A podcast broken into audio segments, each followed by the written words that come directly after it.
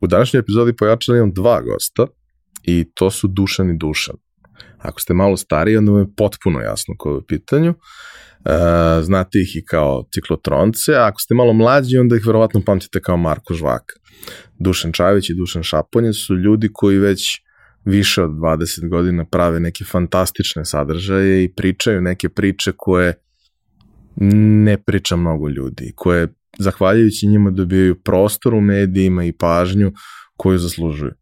Uh, oni su moji omiljeni content kreatori, iako u vreme kada su oni počeli to da rade se to nije zvalo tako, oni su samo bili novinari.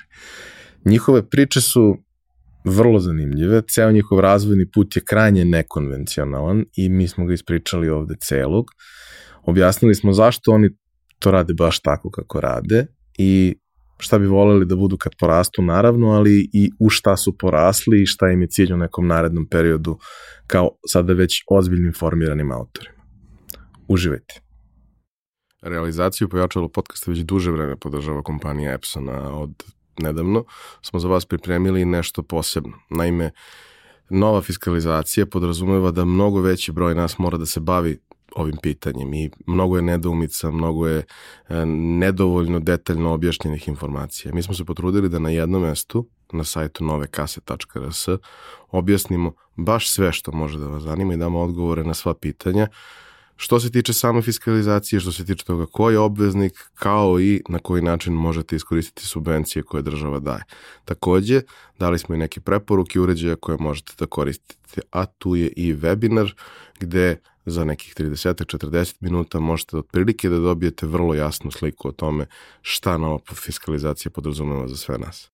Takođe, treba reći i to da kompanija Epson, osim POS uređaja koji su ovde u centru pažnje, proizvodi štampače u svim mogućim oblicima, veličinama i namenama, kao i već 20 godina najbolje projektore na svetu, a više o tome možete videti na epson.rs. Za slučaj da želite da nas podržite vi individualno, uh, možete da posetite link u opisu podcasta na platformi Buy Me A Coffee i tu možete kupiti mesečnu pretplatu ili jednokratno donirati neki jednost koji želite. Hvala vam unapred na tom.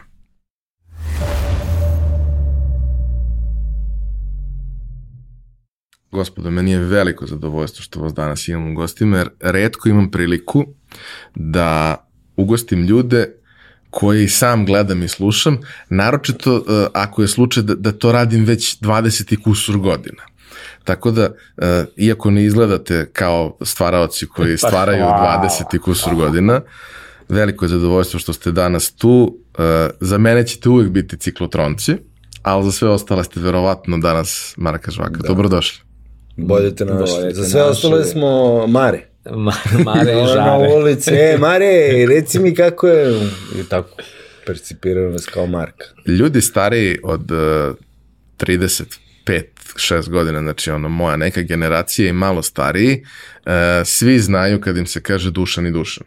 Mislim, jer kao ne postoje, ne postoji ni jedna druga kombinacija Dušan i Dušan koja ima neku specifičnu težinu u našim srcima, ali, ali vi ste definitivno ovaj, zauzeli tu jedno jako, jako važno mesto. Hvala vam na svemu što radite i na svemu što radite svo ovo vreme, jer mislim da osim što ste beskreno zabavni i što ste hroničari ono, naših života i grada u kome živimo i ne samo našeg grada, e, da na jedan sjajan način obrađujete teme koje su veoma kompleksne, teške i koje nimalo lako nije ispričati na način da ih ljudi razumeju.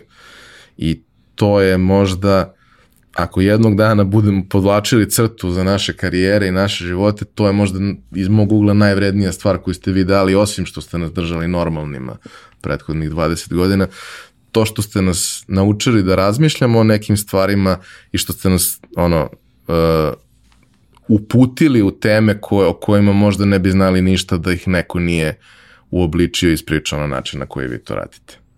Hvala ti. Hvala i tebi što si nas nahvalio. Idemo mi kući za... Ja tebe, Serdar, ti mene bojo. Ne, ne, hvala, hvala. hvala, hvala. E, sad, pošto je naš podcast eh, hronološki uvek i da. ima taj put heroja, u ovom slučaju dva heroja, ovaj, sledi ono čuveno pitanje od koga uvek sve počinje, mančmelo pitanje, šta ste teli budete kad porastete? Ajmo jedan pa drugi. Pa ja jedino konkretno čega se sećam, hteo sam da budem bačvar. To mi je bilo, ono, recimo, gledao sam uh, petom, šestom osnovne uh, na TV-u reportažu o bačvarskoj školi u, ško u Splitu i tu je bilo recimo osam polaznika I meni se to dopalo nekako, kao eto, oni još jedini uče kako se prave bačve. Eto. A daj reci za vino. Pa dobro, nije kasno- on samo bačve zbog bačve. Ne, ne, ali to je vina. ono što sam kao mali nisam imao pojma, eto, da ću, ne znam, posle 40 godina ipak da pravim neko svoje vino, ali Deda mu je pravio definitivno vino i nisam tatko ovaj, dete, da. on verovatno, znaš, ta bačva bi mogla odlično da se upotrebi.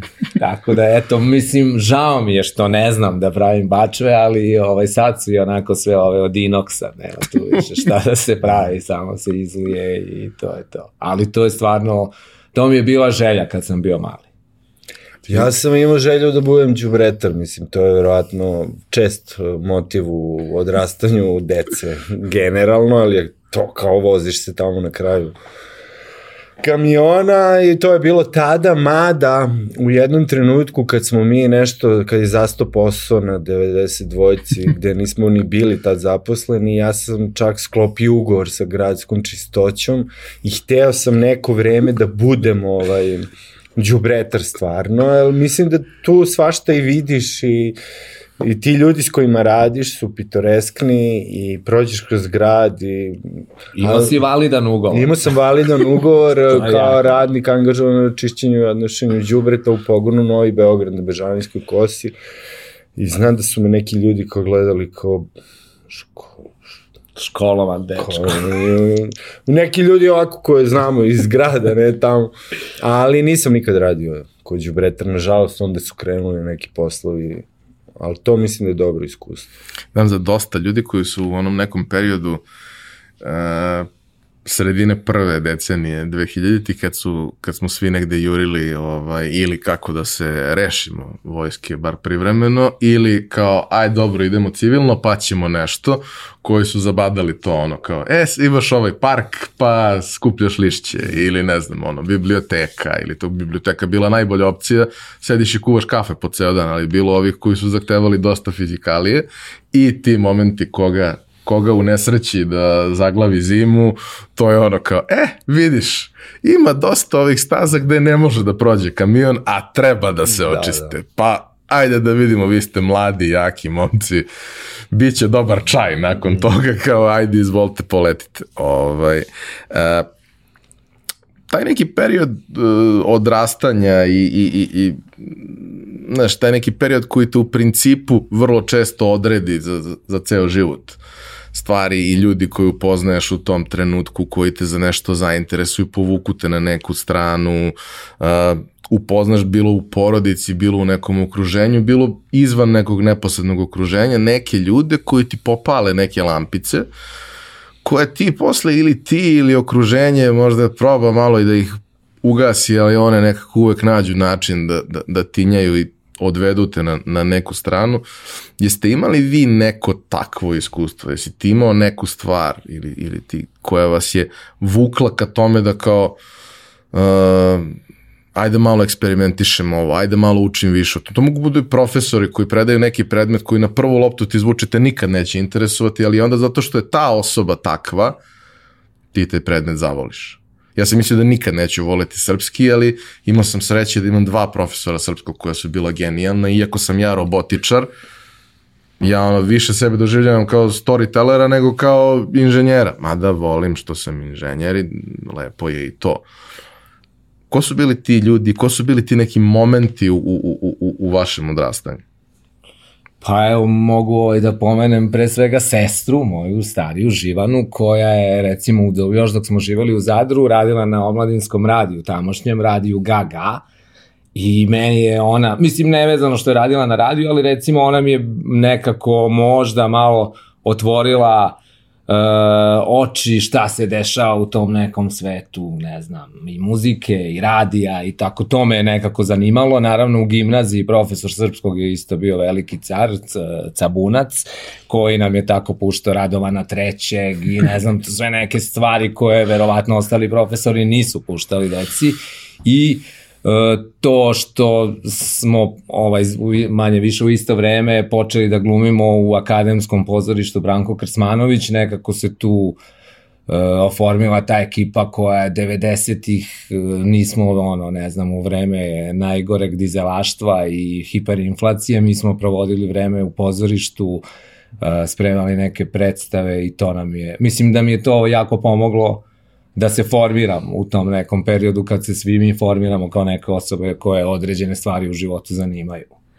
Meni je isto koji tebi, aj ti si pomenuo, Cibulca, kako se Sabunac. zove? Moja profesorka Elena Hristodulo iz uh, srpskog jezika, išao sam u 12. gimnaziju, mi smo bili odeljenje glumac lutkar i kao to je nešto u nekoj bilo tri godine po jedno odeljenje i u toj gimnaziji kao evo, bili smo tako skrajnuti u nekom... To je usmereno obrazovanje. Usmereno, ili ne? Uuu, tvrda priča. I ovaj, niko nas nije fermao, sve tako bilo opušteno što se tiče obrazovanja u školi, ali ta žena je, ovaj, od nje pamtim to, mislim, ona je jako bila diskutovali smo na času o Hasanaginici i kao da li ona može da voli svoju decu ili mislim to je sad otišlo ali je uvod razrada i zaključak to je ono to nam je ono morate da uvod, razrada i zaključak. Mislim, što je jako bitna stvar, nevezano da li ti pričaš priču, pišeš,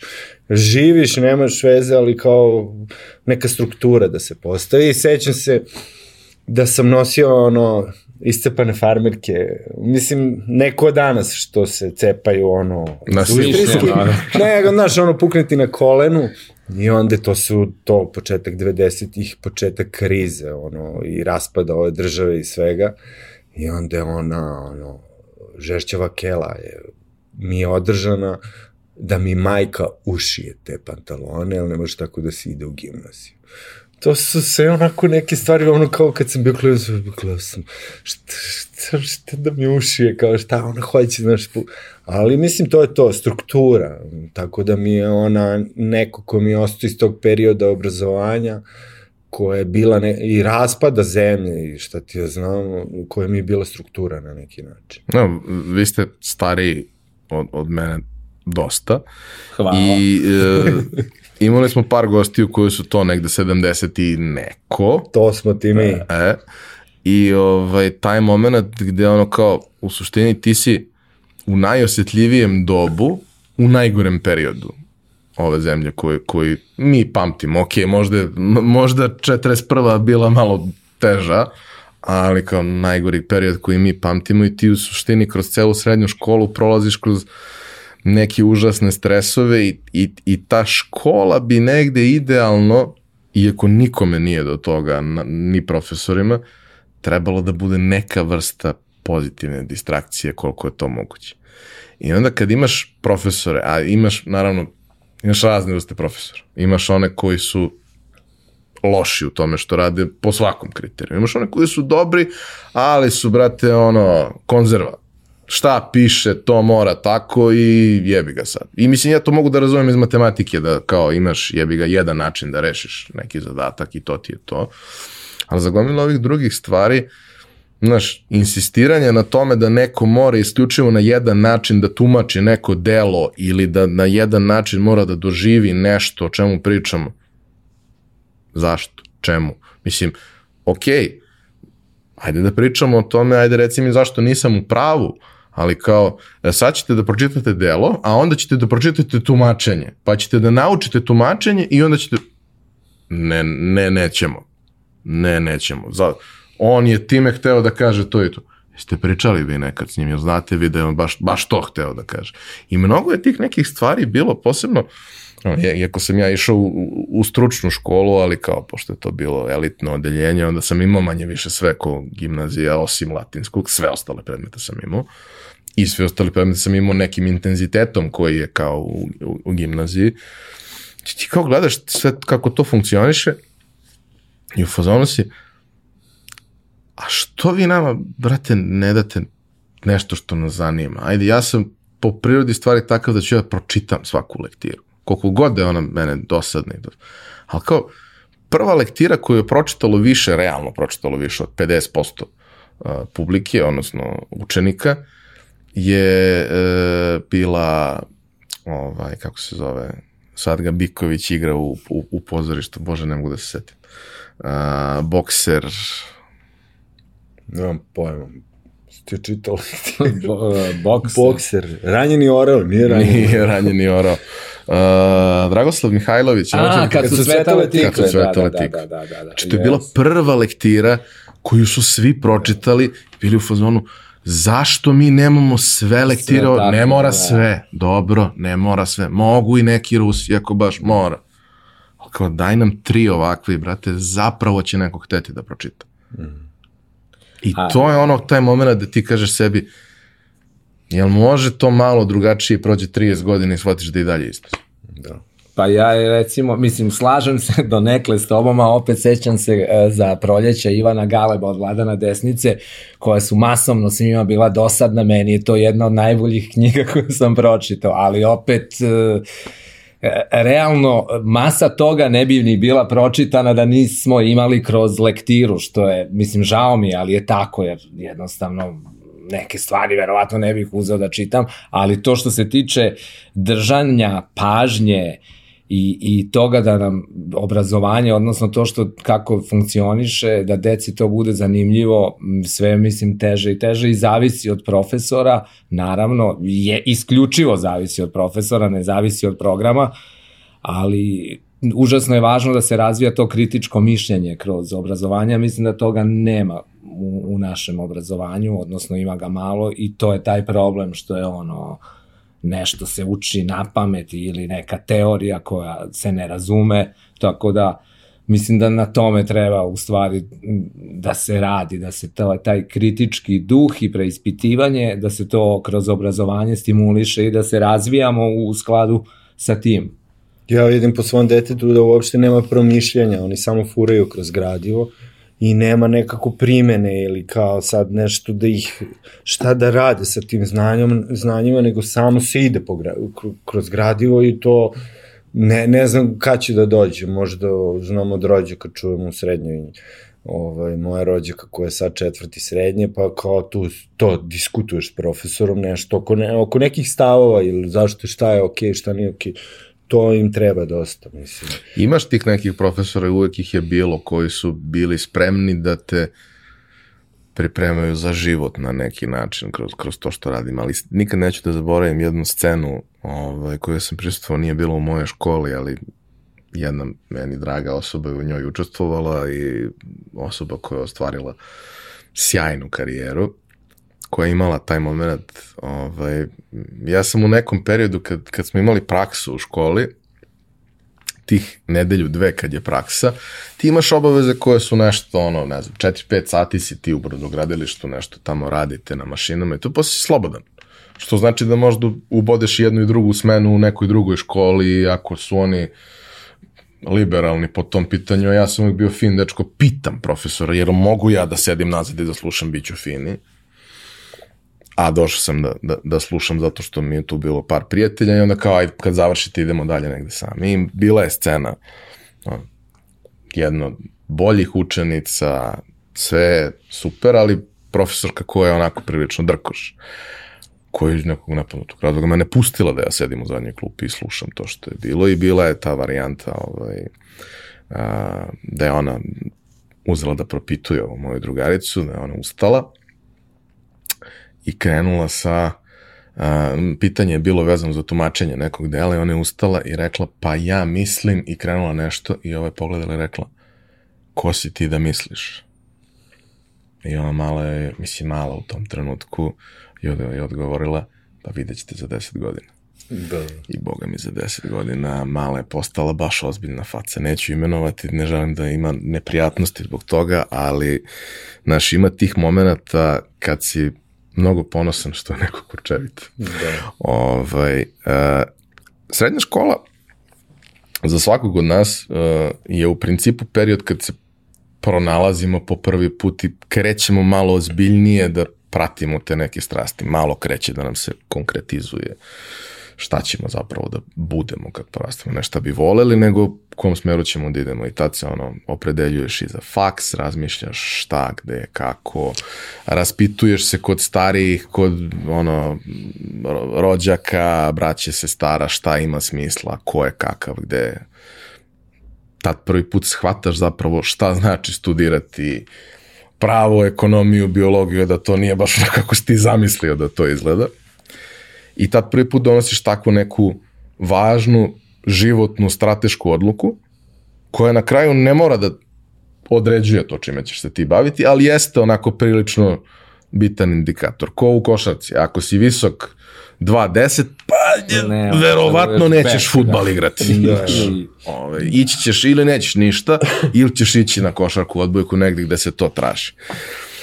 Kako ste se vi odnosili u tom nekom periodu, treća, četvrta godina, sad treba da prezupčiš šta ćeš dalje? Pa ja sam prvo pisao prava, mislim, i, i nisam daleko do guro, jedan semestar sam slušao, na pauzi, to je onaj amfiteatar 5, onaj ogromni, na pravnom, na pauzi se okreću devojke da mi dodaju žurnal koji kao, no i one su ga dobile, onda onaj kremisimo je bio nekad sladole za pre pekabetin, i ovaj, onda tako tva, to se otvara pa se kolači dele. I ja sam išao u to vreme kod naših drugara, ovaj, koji je sad mislim, ono, programer i završio ETF i mi umesto na predavanje odem kod njega, pa pijemo rakiju njegovog oca, pa on dosipa vodu, kao da ne, čali ne bi provalio i to je traljavo išlo. Dao sam jedino, pošto nisam imao u srednjoj školi latinski, dao sam uslov za latinski, to je, za rimsko pravo latinski, to je sve što sam ja uradio na pravnu da bi posle upisao glumu, s tim što kad smo mi krenuli da radimo na 90 dovici, 94 E, ja sam malo pre toga upisao faks i jednostavno ja sam studirao i završio sam glumu, ali me je život odveo u ovom pravcu da, da budemo novinari, filmađe, ne znam ja šta i mm. kako. Tako da se nisam nešto bavio glumom i mislim ponekad u reklamama se pojavim i to je... Dobro, bilo je neki ulogica, sećam Bilo je, ali, ali bilo je, može, da, Suze i njene sestre. Sa Marta Keller. To je film to, gde sam se pojavio jedan od tako. I u munjama, je li tako? U munjama, ma, ma, ma ovo je, ipak više sam Zahtevnije je bila munja. Da. A i, o, ponosniji si. ponosniji sam i kao, ali dobro, mislim, ok, nosio sam, imao sam priliku u tom filmu Suze i njene sestre da nosi svoju majicu grupe Madhani i to mi je makar sam pronao glas, I eto, to je to. A kako izgledalo to upisivanje glume? Pošto je to proces koji nije baš straightforward i nema baš mnogo ljudi koji su hteli da upišu, a na kraju su upisali. Pa znaš kako, ja sam na kraju upisao, ja sam pokušavao još u srednjoj školi na FDU, tu smo i zajedno da, pokušavali, tad smo bili u Krasmancu, onda na kraju sam upisao tadašnju akademiju umetnosti, a to je postala, postala, posla su ih Karići preuzeli po ono BK, a mislim da je sad opet akademija umetnosti, bio sam u klasi kod Ružice Sokić i Zorana Ratkovića, I ovaj, nije mi nešto bila, ne znam kolika drama taj prijem i sve, ono, ova Hristodulu sa srpskim i sve to. Dobro te pripremilo. Da, struktura je bila tu i ja sam samo ovaj, uradio šta je trebalo. Tako da nije mi to nešto stresno bilo. Mislim, više možda čak i pamtim ovo u srednje školi kad smo išli. Tad je bila i da. veća navala nego što kažu da je danas. Tad je, ne znam, više stotina mislim ljudi. Da, je, da, te godine, ljudi. ja mislim da je to bila neka 93. recimo. Kad sam probao jedan jedini put da upišem glumu, bilo je nešto oko 600 kandidata. Sreća nije mnogo. A primalo, primali su osmoro. I ovaj, ništa, stigao sam tu ono recitacija, odlomak, e, odnosno monolog, imitacija, kao imitacija, pa su mi tražili još jednu imitaciju i već... No, A šta si imitirao? Uh, imitirao sam uh, Simu Gajina. ne, da Kako vodi ZIP.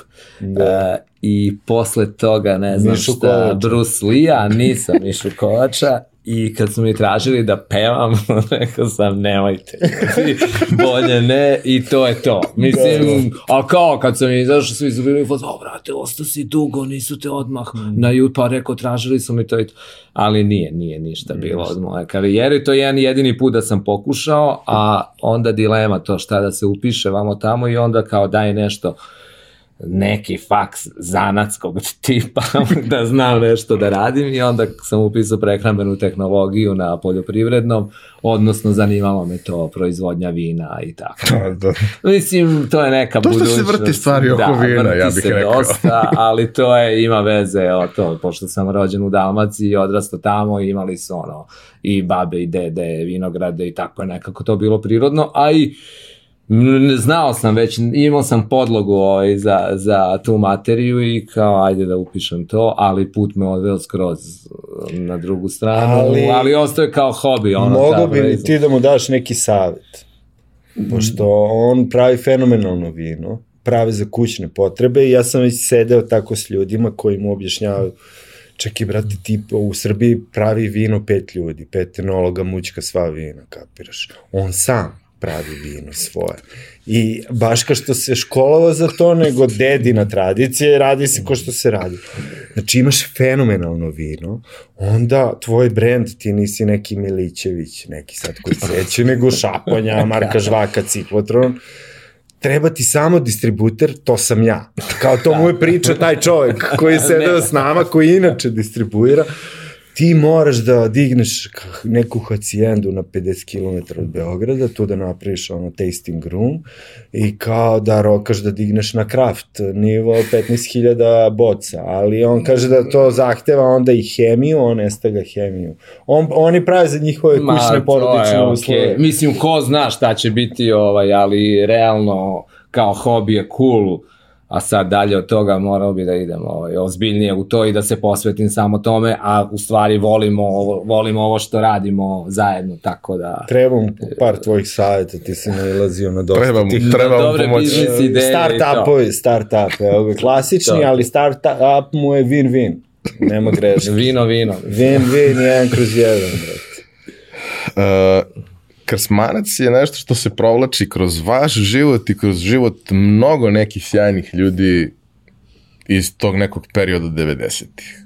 To je kao bilo neka neuralgična tačka gde su se skupljali kreativci ovog grada koji u principu, koliko sam ja to razumeo, ja jesam mlađi, ali koliko sam ja to uspeo da, da, da shvatim, nisu znali šta će sa sobom. Tako je, neka je Medina. Da. Nisu znali šta će sa sobom, a nije baš ni da su imali nešto mnogo izbora u tom trenutku po gradu. Znači, prosto situacija je bila takva. Mnogim mlađim slušalcima, a nemamo ih previše, ali to nešto 25-35 godina koji su sad koji su u tom periodu ili se rađali ili su bili jako mali, možda se i ne sećaju toga, ali to je stvarno bilo jedno užasno sivo, depresivno doba u kome se ništa nije dešavalo i samo si slušao loše vesti. Skoro kao poslednje dve godine, ali tad je trajalo malo duže i bilo je više metaka. Ovaj, I kao, otkud uopšte tamo i šta pamtite iz tog perioda kao najvažnije, kao ono, ključnu stvar? Zašto je to, To mesto drugo pitanje šta magično? pamtimo je baš teško, ovaj, imajući u vidu godine. Ovaj, To- to- koliko, To nije ne samo godine, a i to vreme nekako, makar meni onako malo zamagljeno, ali u svakom slučaju u Krsmanac sam došao, ono, drugi srednje sam bio, drugi gimnazije i dve drugarice iz odeljenja tadašnje su već glumile u Krsmancu i kao ja dođi na ovaj, prijemni, odnosno to, prijemni isto. Prijemni, ja. Na Audiciju, bre, kakav prijemni, ja, na audiciju. Audiciju. I onda to pozorište, nekako ekipa i, i scena i lepe neke stvari smo tamo uh, igrali. Prva predstava u kojoj smo, odnosno to gde smo se formirali kao neka ekipa je bila, bila predstava po romanu Woody Allena Smrt, po njegovom tekstu i to smo nešto igrali i po Srbiji i I tu smo se nekako zajedno sa Nikolom Zavišićem, rediteljem, Ivanom Petrovićem, sa kojim smo kasnije radili ciklotron, ovaj, Ukačili. ukačili i tu se nekako formila ta naša ekipa posle Srbokapa na 92-ci smo radili zajedno po, isto po ideji Nikole Zavišića i Krsmanac nam je bio nekako utočište u tom vremenu tog ludila, znači rata i sankcija i neputovanja i ono, i hiperinflacije, a nama je bilo strava tamo i uveče smo, ne znam, ostali naravno da. posle proba, vraćali se ujutru, svraćali u pekaru Zvezda na burek e, i tako, ono, bilo je baš... Da, inače čuo, javili su izglede preminuo Maksim. To je gazda, pekare, crvena zvezda. Dole u Dole preko puta Bristola, da. da, da. Ali kaže da ostao burek isti. A ja sam došao u Krasmanac slučajno. Ja sam u autobusu sreo Nikolu i našeg druga Kalabu iz bloka koji kao, ajde ti si u tom glumačkom razredu, dođi kao... I tako sam došao, ovog sam jednog znao iz kraja, Nikolu nisam znao. I eto, stvarno što kaže Šapke, to su te godine kada imaš prostora i vremena da zablejiš do sutra, ono, kao.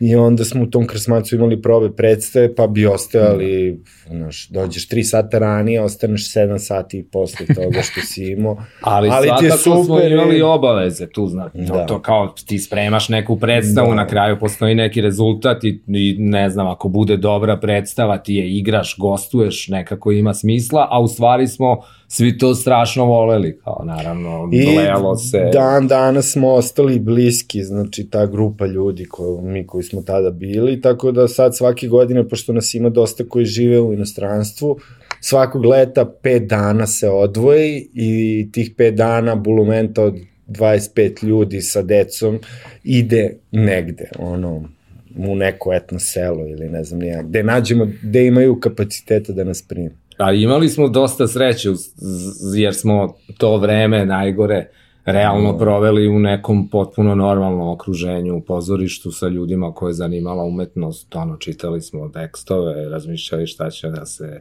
radi, ko je predstave. Dosta neko... alternativno da. okruženje u odnosu na mainstream i što se tiče kulture i popularne kulture i bili smo sklonjeni tog ludila. Recimo u toj srednjoj školi ja pamtim kad je bio Ante Marković, mi smo svi za veliki odmor kupovali 600-700 grama pistaća. Znači nije kao ja sam imao pare, nego kao svi smo imali da uzmeš, znači kao koliko to danas košta, ne znam koliko, preko 1000 dinara. No, znači kao to kupiš za odmor i onda jedeš tamo ispod a onda da bi godinu dana kasnije ne, nije ni bilo pistaća, niti smo imali pare ono kao ni za 100, ni za 50 grama. Ali nikad neću da zaboravim taj isti period, ja kažem, ja sam bio dosta mlađi i imao sam taj moment kao obožavao sam pistaće. I nije ih bilo. Da. I onda je bilo glavno kad neko dolazi iz Grčke Da donese. Da, samo jednu konzervicu. Da, da, da. On donese ono neku konzervicu od 100 grama i onda kao jedan po jedan. Znaš, kao, da, da nikad ja sam, pre toga nisam da. to tako. Kao, jedan po jedan merači razvuci. Kad si pomenuo već Grčku, sećam se da sam u, ovaj, sa svoje srednjoškolske ekskurzije, ko, išli smo u Grčku, doneo sam iz Grčke kivi, i čokoladu, kao. Toga nije toga bilo. Toga nije bilo ovde, ali kao to svi, kao ono kući, svi su se obradovali, oh, ali inače... Milka, a, a ovaj ortak, kao, znači, prvo što smo sad putovali dva dana tim vozom, sankcije, vraćanje lokomotive na granici s Bugarskom, znači potpuna havarija od ekskurzije, ali kao stigli smo u Atinu odjednom, kao o, vidi svega ima i sretnemo ortaka iz odeljenja, sad mi smo se podelili po grupicama i on kaže, ima čokoladnog mleka, brate, kao i on koji pije, ono čokoladnog mleka, to. Skoro smo se isto setili, nekom prilikom smo kao novinari na 92-ci otišli na neki radni doručak sa gradonačelnikom, tada je gradonačelnik bio Đinđić, to je bila 97. godina, I... Ali da ispričamo kako smo dospeli možda.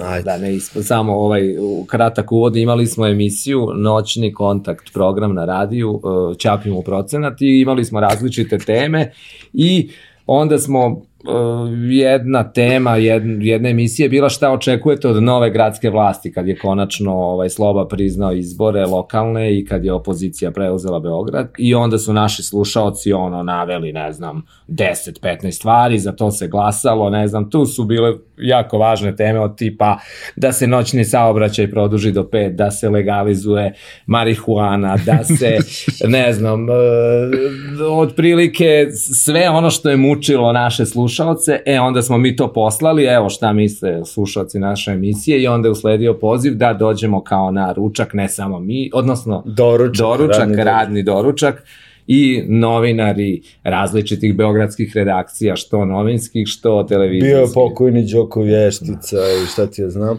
Ali uglavnom nama je, to je bilo neko ovo vreme, znači februar, mart.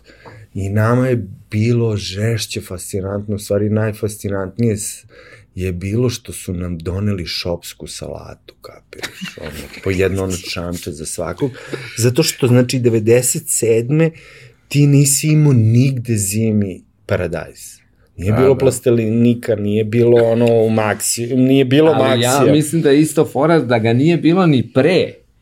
Ni pre, Znači, do, to, ono- ono, do, Sezonska stvar. Tako je. sezonska je Tad je uvedeno sezonska. nešto što se zove sezonska salata u stare kafane, što i E. dalje postoji, samo što je sad sezonska Da. salata uvek isto, ima sve. I nama je bilo, brate, otkud njima paradajz, ono, to je fascinacija, kao prvi put smo ga, eto, koliko je sve otišlo do vraga za 25 godina, da sad paradajz, mislim, imaš ne paradajz, nego hoć- hoćeš žuti, crveni, Ali Ovo je to, 14 kao, vrsta. kako je bilo na sastanku, ma okej, na sastanku ništa, to neće biti, to odmah su popljuvali te ideje, ne može, ne, ne, ne, ali paradajz, Da, šta?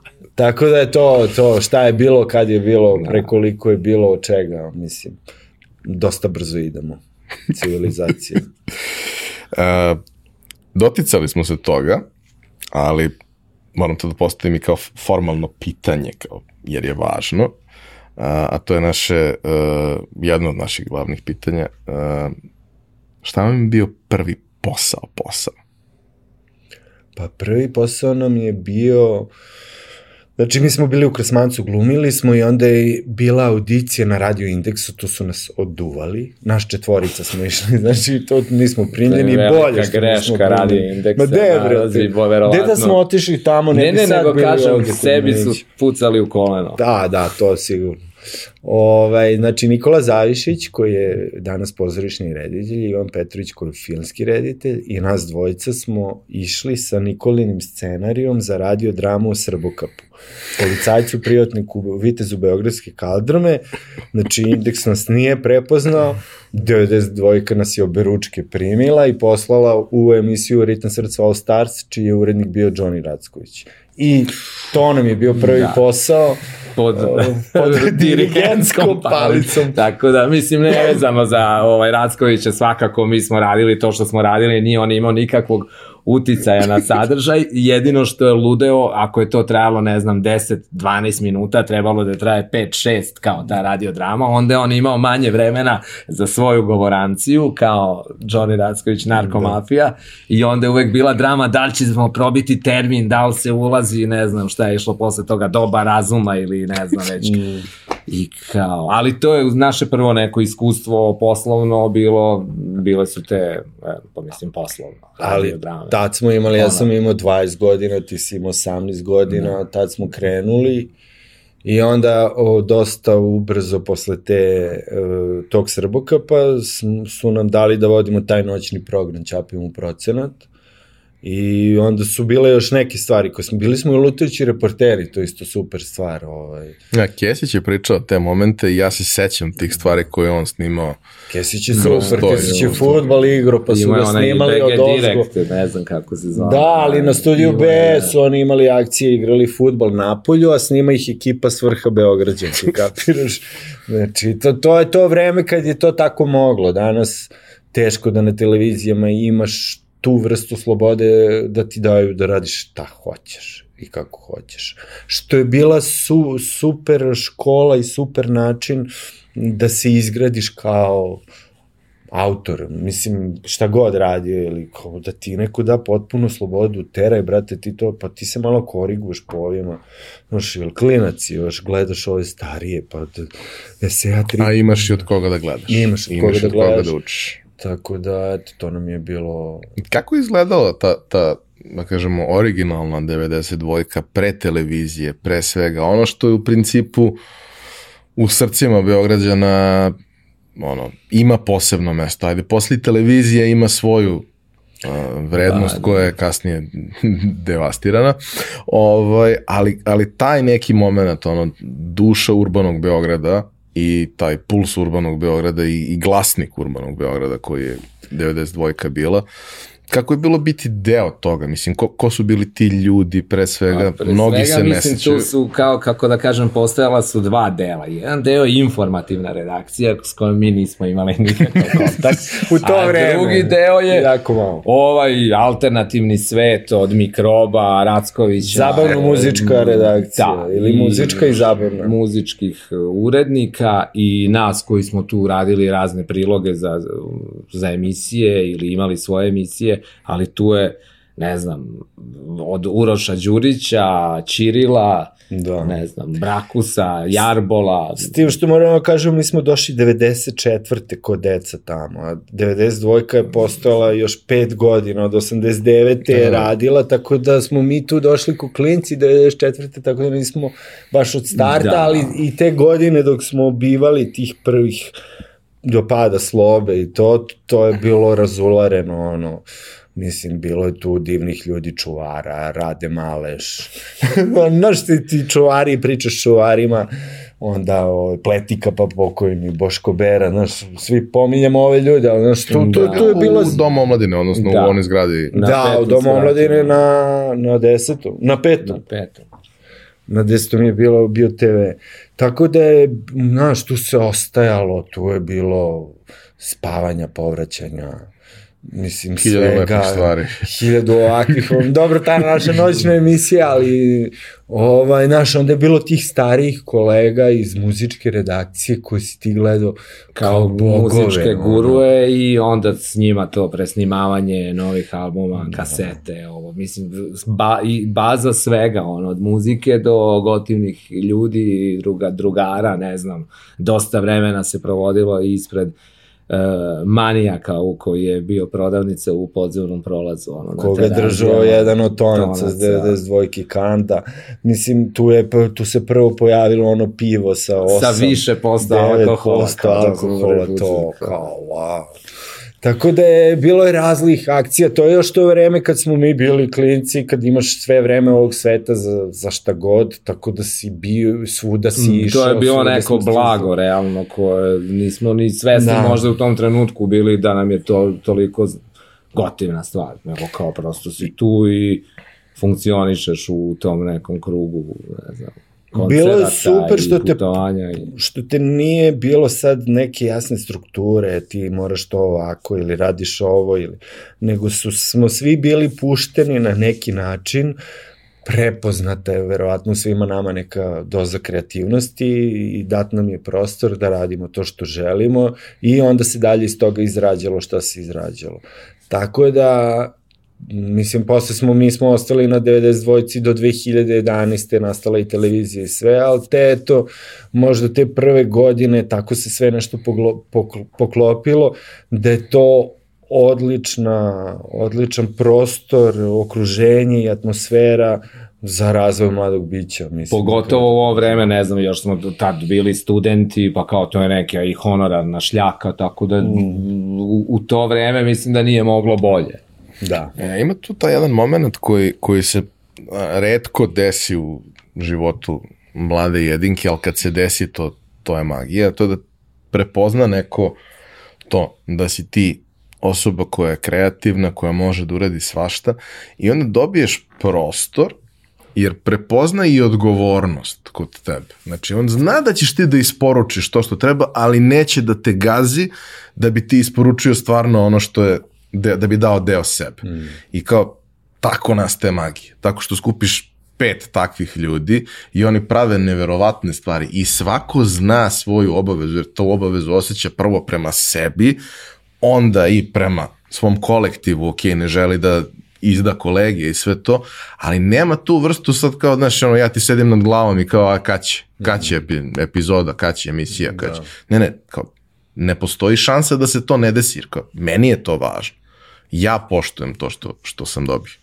A, kako se menjala situacija sa, sa, sa 92-kom, kako se, a, kako ste vi starili, kako ste se uozbiljavali kao autori i kako se medij kao medij e, menjao svoju ulogu kroz vreme.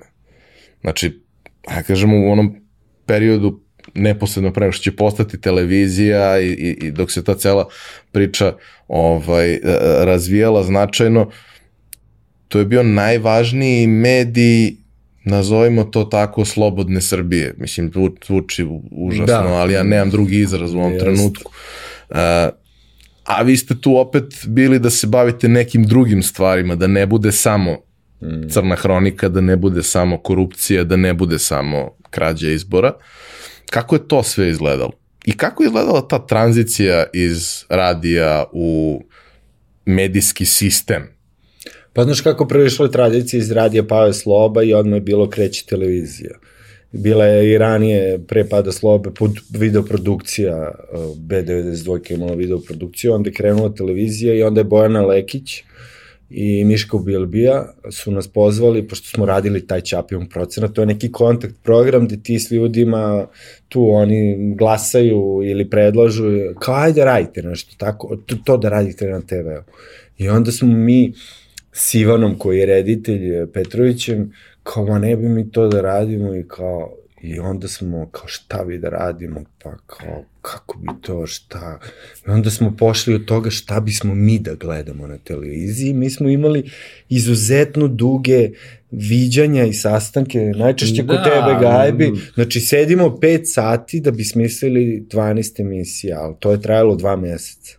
Znači, ono kao lupamo glavu. Šta Ivan bi nam jako... bilo zanimljivo da ono preispitujemo se ja, ovo je bez veze, šta bi tu snimam, nekako e, taj proces je bio dugačak, ali Bili smo rezultat- jako isključivi. A imali smo i vremena ono da se posvetimo tome, samo tome i to je bio neki izazov za nas i hteli smo da, Da. to bude neki iskorak da ne bude neka obična TV emisija, nego da bude nešto između Htjeli smo da bude originalno, da. nekako, na primjer, Ivan je živio na Čukaričkoj padini tada i kao on je viđao ove što cepaju Dijane, braću Rome, što ih vozi, kao aj to da snimamo, onda smo čuli da neki tip snima film o njima, nećemo, brate, snimamo ako je čovjek već krenuo da snima. To je bio Boris Mitić koji je napravio Priti Dajanu o njima, ali kao to je odmah, ako neko to snima, ono, već je provaljeno, ono, kao nismo znali ni ko je. Tako da, opet smo imali apsolutnu slobodu da radimo šta god hoćemo, mi smo imali ovoliko teksta svakoj emisiji dali, jer ni mi nismo imali više, nama su to bile ideje, kao, kao aj snimali bi šta se šalje, i, dešavalo se, da, da. Ovo, je- šta se šalje našim ljudima u inostranstvu, ili kao Od znamo, hrane. taka, Keva mu šalje i supu i, i znaš, i kuva mu kuvano i sarme, sve ono, plastične kutije, ajde da pravimo emisiju o tome. Onda je Ivanov Burazar pokušavao da kiseli kupus u Indoneziji kao tamo patenta. Znam, mislim, Da. tako, e, zanimale su nas te stvari koje, kojima se nisu bavili ovaj, Da, nije, nije mediji i mi smo, mi smo tako, nismo ni, na, forma je u stvari bila, zavisila od ideje, u nekim emisijama smo se mi pojavljivali kao protagonisti, tipa kad smo obrađivali Beogradska građevinska čuda, ne znam, ili se spuštali topčiderkom, a u nekim nije realno bilo potrebe uopšte da se pojavimo, ne znam, Da. u, u filmu o, o beogradskim beskućnicima ili tako. Mislim, zavisilo je od teme i forma je bila otvorena i to je bilo strava. Ono, i trajanje je bilo ono, fleksibilno, traješ koliko ti je zanimljivo da gledaš, a ne sad da bi popunio neki format. Da, i onda bilo kako će se zove, kao da je neku glupost ili kao nešto, i onda šapke kao njegov čale spominje ciklotron. Kao neka interna zajevancija, ma ciklotron, radim nešto za ciklotron, šta je ciklotron i kao, ajde ciklotron i nismo ovaj, imali bolju ideju u tom trenutku i to je. Ovaj, Ciklotron, kao to je neka došlo. mašina koja ubrzava čestice ono, do čestice. raspadanja koje je sad ponovo Ali aktuelno. kao bez veze, kao da je samo da je nešto I tako da je u početku to bilo tako i imali smo super, dobro, nismo baš u početku imali, ali toga nema danas, sve jako brzo, evo i društvene mreže, znači to istog trenutka izlazi, ako je nešto što je catchy, seksi, ekskluzivno, to će se šeruje i ode u roku od 10 minuta ćeš, ćemo svi znati neku brže od medija. A tada je bilo nekako, nije, bilo, nije ni bilo društvenih mreža u to vreme i bilo je fleksibilnije na medijima, imao si više vremena za bavljanje nekom temom nego što je to danas. Evo i mi danas svake nedelje izbacimo Marku Žvaku, a kad smo radili drugu sezonu ciklotrona imali smo 10 meseci za 12 emisija od pola sata. Znači to danas nije rentabilno da te neko plaća platu, da ti plaća 10 meseci, a da ti izbaciš na kraju 12 emisija od pola sata. Ali, s druge strane, to donosi um, kvalitet. kvalitet donosi onako zadiranje u dubinu svake od tih tema. Snimali smo recimo te klošare na kraju. Ti kad odeš jednom pa nađeš nekog klošara pa nešto s njim pa mu daš mu 200 kinti ili ne znam koliko da mu pomogneš, on će ti kaže nešto petre stvari koje će izgledati ok, ali na kraju smo mi od tih klošara, na kraju nam jedan od njih ispričao kako ubio svoju ženu i njenog ljubavnika, svog dobrog druga, kako je ležao zbog toga 17 godina, na što na kraju ti se, ono... Otvore i nekako s prijatelje, mislim, se... do te mere da ono kad nas vide, e, pa ne snimate me danas, daj snimate, pa ne možemo, kao snimali smo. Generalno, napravi se neki odnos sa njima gde će oni da se otvore, što je jako važno, ono, kad snimaš nešto tog dokumentarističkog tipa. Da. Ja se sećam taj neki period, ono, period kad sam ja u principu najviše gledao televiziju. Pre toga nisam, a ni posle toga nisam. Ali taj period kao od početka 90-ih do početka 2000-ih, kao imaš, imaš treći kanal koji je kao isto to, uh, Brod ludak, na mm. kome gomila nekih mladih kreativnih ljudi pravi program kakav bi želalo da gleda. Onda se pojavljuje uh, BK, koji je kao, jebote, neko napravio modernu televiziju onako kako treba da bude. On ja, meni objasne ko je Tijanić, kako to sve. I ja sam Beka obožavao u tom nekom smislu dok nije otišao diagnozu, ali kao, te, ovako treba bude strukturirana ozbiljna televizija. Da ti imaš tri programa, imaš prostora za sve. Kad nemaš, ovo treba bude ujutru, imaš obrazovni program, imaš dobar crtani, imaš sve, sve, sve, sve. I onda kad se pojavila 92-ka i ona se menjala kroz vreme, kad se pojavila opet si imao taj moment koji je sa ono, trećim kanalom nestao, već tad je treći kanal bio na izlasku mm. i nije više to bilo to. Za početak omator ili su ti s početka mm, da. 90-ih koji su nešto pravili. Ponovo si imao taj moment da je neko skupio neke sjajne ljude i rekao im, ajde sad vi napravite ono što vi mislite da treba da, da postoji ili ono što biste vi volili da gledate. Ja stalno prepričavam, prošlo je 20 godina od tad. Za mene najbolja stvar koja se pojavila na televiziji su bili TV manijaci.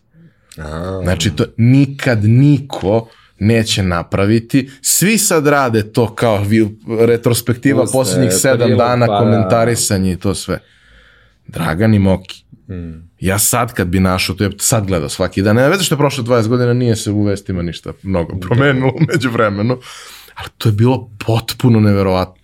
I imao si niz tako nekih stvari koje su bile autorske i kao s jedne strane, bilo je divno biti gledalac mm. svega toga, a s druge strane, mogu da zamislim kako je bilo biti deo takvog kolektiva gde su takvi ludaci na jednom mestu. Da. Pa jeste, tako je. Mislim. Da, bilo je, mislim, stvarno sad kad kažeš jeste, i, i znači, išli su i Manijaci, i Čirilo, i Kesić, Predgrađe. i mi, i mm. kao same, Maja Uzelac, kulturno. Plus su bili ovi programi, ne znam, Jules Holland, Ruby Vex, Louis Theroux, kupljeni dobri strani BBC programi. Da. koji su te tak, ono, plave, nije tad bila plava planeta. Nego, Bili su dinosaurusi, možda da, kasnije, mislim... ali u principu jeste to bio strava program, ali očigledno da je nešto kvrcnulo sa tom gledanošću ili već željama da se bude gledan, a da to nije imalo dovoljnu bazu ili sad kako je to već išlo dalje. Mislim, mi nismo bili urednici, ali meni se čini da se ostalo na ovoj liniji koju smo sad pomenuli. Autentično da. Da bi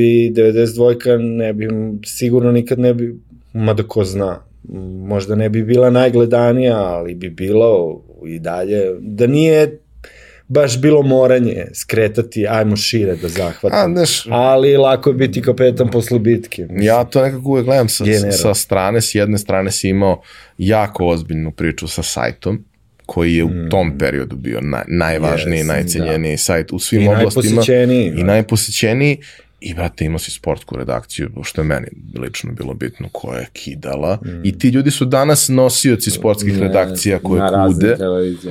I ti ljudi koji su bili urednici po drugim redakcijama su nosioci drugih nekih medija danas i prave neke ozbiljne stvari.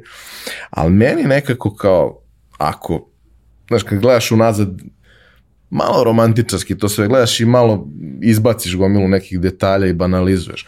Ali meni se čini da su kao dve ključne tačke gde je nastao problem, gde je nastao kuršlus, uh, uzimanje Lige šampiona i Veliki brat.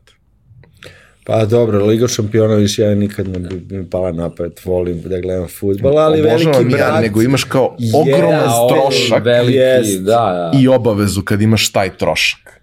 To jeste, mislim, mi kao ono, kad radiš na televiziji, onda i čuješ, iako i ti ne znaš šta najviše košta, najviše košta informativni program, ono, da ti ljudi idu tamo na snimanja, da se to montira, to e, čitava infrastruktura za te vesti, sve, i sad mnogi kažu kao B92 Info, kao taj drugi kanal koji ka, praktično je bio kabel i ništa mm. nije vraćao, da je i on bio jedna od ala veliki brat. Veliki brat je više možda koncepcijski, ljudi kažu je trebalo, nije trebalo, ali ovaj, Da, Šta mislim, ja znam? i, i svaki put kada razmišljaš o onome kako je počelo to sa realitijima i kako je počeo Veliki Da. brat, sve vreme si u fazonu joj bože što je ono bilo kulturno. da, da, da, joj da, se vrati. Kulturno Daj, je- daj, ceo dan bi gledao. Znači, sam, nije nikakav problem. Plaćao bi da gledam, samo da nemamo ovo na televiziji. Ali ja svakako mislim da je moglo da se ostane na liniji, mislim kao sad nisam. Ma da, ko će ga znati, ali nama je strava što smo mi tad stvarno radili to što je gotivno i što da. i dan danas,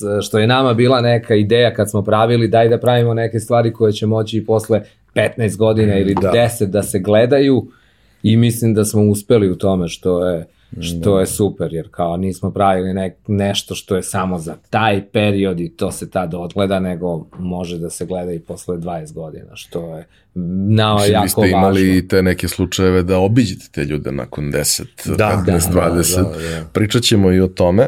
Ono što bih voleo je da, da izvučete iz tog perioda, pošto znam da je bilo nekih interesantnih momenta, ali, ali da izvučete koji su vam bili omiljeni podprojekti koje ste radili u tom nekom periodu. Šta vam je tu najviše značilo ono u tom nekom, jer ti si tad, ovde si bio klinac, sad si već ti formiran čovek. I u principu proživeo si svašta. I više te banalne stvari, ti si srećan što radiš ono što radiš, taj, taj deo je lep, ali kao šta je taj neki ekstra moment koji ste dobijali s vremena na vreme samom činjenicom da ste to što jeste i da ste tu gde jeste. Pa ja bih možda izdvojio najbolju stvar koju smo u životu radili, to je ovaj 2007. je otišla ta emisija Ritam srca All Stars na radiju, na kojoj smo mi do tada bili, otišla je u sfere, vero ili ne, podcasta. Znači 2007. Ja ne znam ko, u stvari znamo ljude koji su slušali to, znači to je otišlo tada, znači podcast je kao forma za živo u prethodnih par godina, ono, i mi smo tu, znači tu smo kao sve pušteni radili. iz lanca smo Pušteni iz bili, jer smo kapirali to, ko, ovo niko ne sluša, on re, kao više ne može ni da ide na radiju, nego ide na nečem što se zove podcast, ko uopšte niko nije imao pojma. I to je ono, To malo te ne kao ova, nije baš kao noćna mora o Malnara, ali je išlo Ali ka tome, išlo je ka tome. prepričavanje seksualnih iskustava, onda vidimo neku koleginicu koja inače sada pred ekranima na jednoj televiziji, vidimo kako prolazi ispred tog studija gde se to snimalo, audio je bilo sve.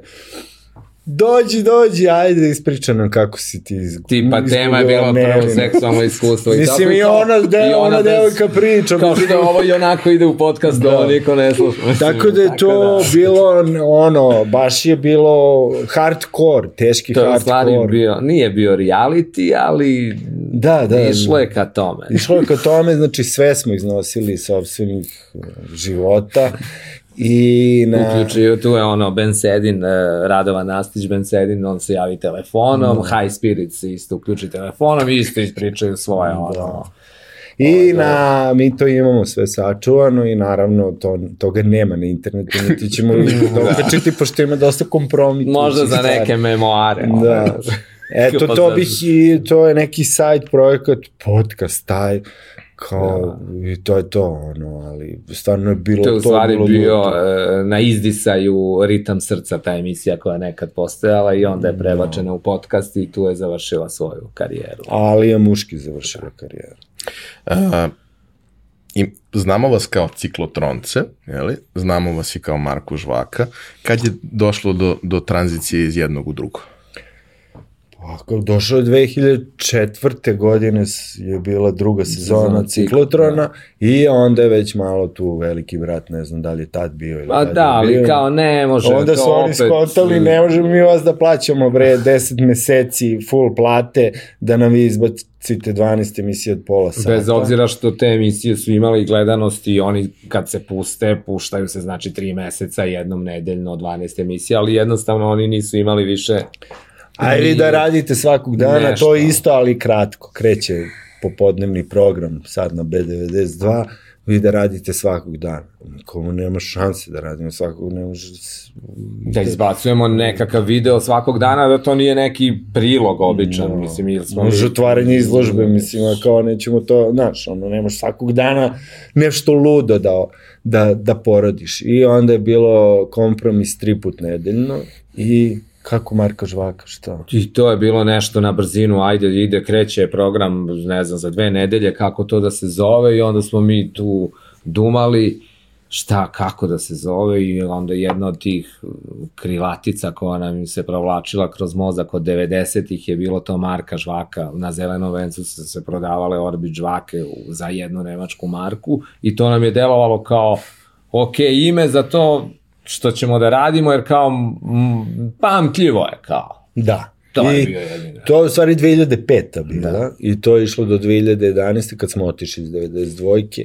To je srastali se s njima, odnosno pre toga je e, prodata 92. Grku tom, koji ima 92. i prvu i kao nuđene su otpremnine. I mi smo se kao, vrat, ajde uzmemo da idemo, kao, videli smo da... Nema više, nema mislim, niti oni imaju vajde neke od nas, niti mi od njih i kao daj da I se raziđemo. mi smo pisali tamo, prijavili se i odgovori nam Veran Matić, kaže, vi niste predviđeni kao za ovaj program, kao kao jebi ga šta, ništa.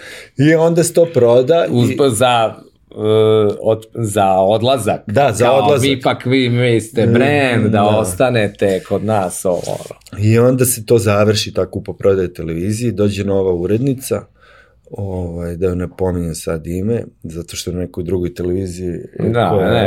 ali je ispala čovek prema nama, mi sad njoj napišemo, pritom ugase tu emisiju gdje je išla Marka Žvaka i nama ostane, a sve vreme smo sedeli sa tvojim omiljenim sportistima u redakciji, sportskoj redakciji i ostane nam ili da radimo za sportsku ili da radimo za vesti, ono da idemo na događaj da To mi je vidimo se ni u jednom ni u drugom.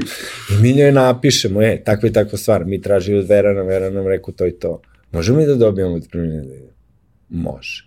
I tako da smo I onda smo uzeli otpremnine. kameru i kao posle krenuli sami, a za Marka Žvaku kad je krenula, mi smo mislili da će to da bude nešto kratkoročno, dok ide ta emisija, vratit ćemo se mi ponovo posle možda da pravimo da. ciklotron, mi smo sve vreme hteli da pravimo kao nešto više od toga, da. ali onda na kraju to što si rekao na početku, ovaj ljudi nas sad više prepoznaju kao Marka Da. da. Žvaku nego kao ciklotron, nama je malo i žao zbog toga.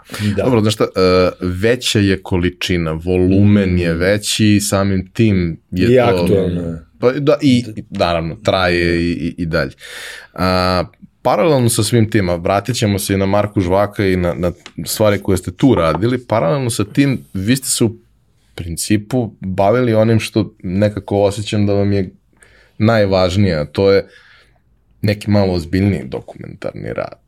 Znači što, ono, nema veze sa vašim poslom primarnim i tako dalje, to je ono što, što ste vi i što želite da uradite.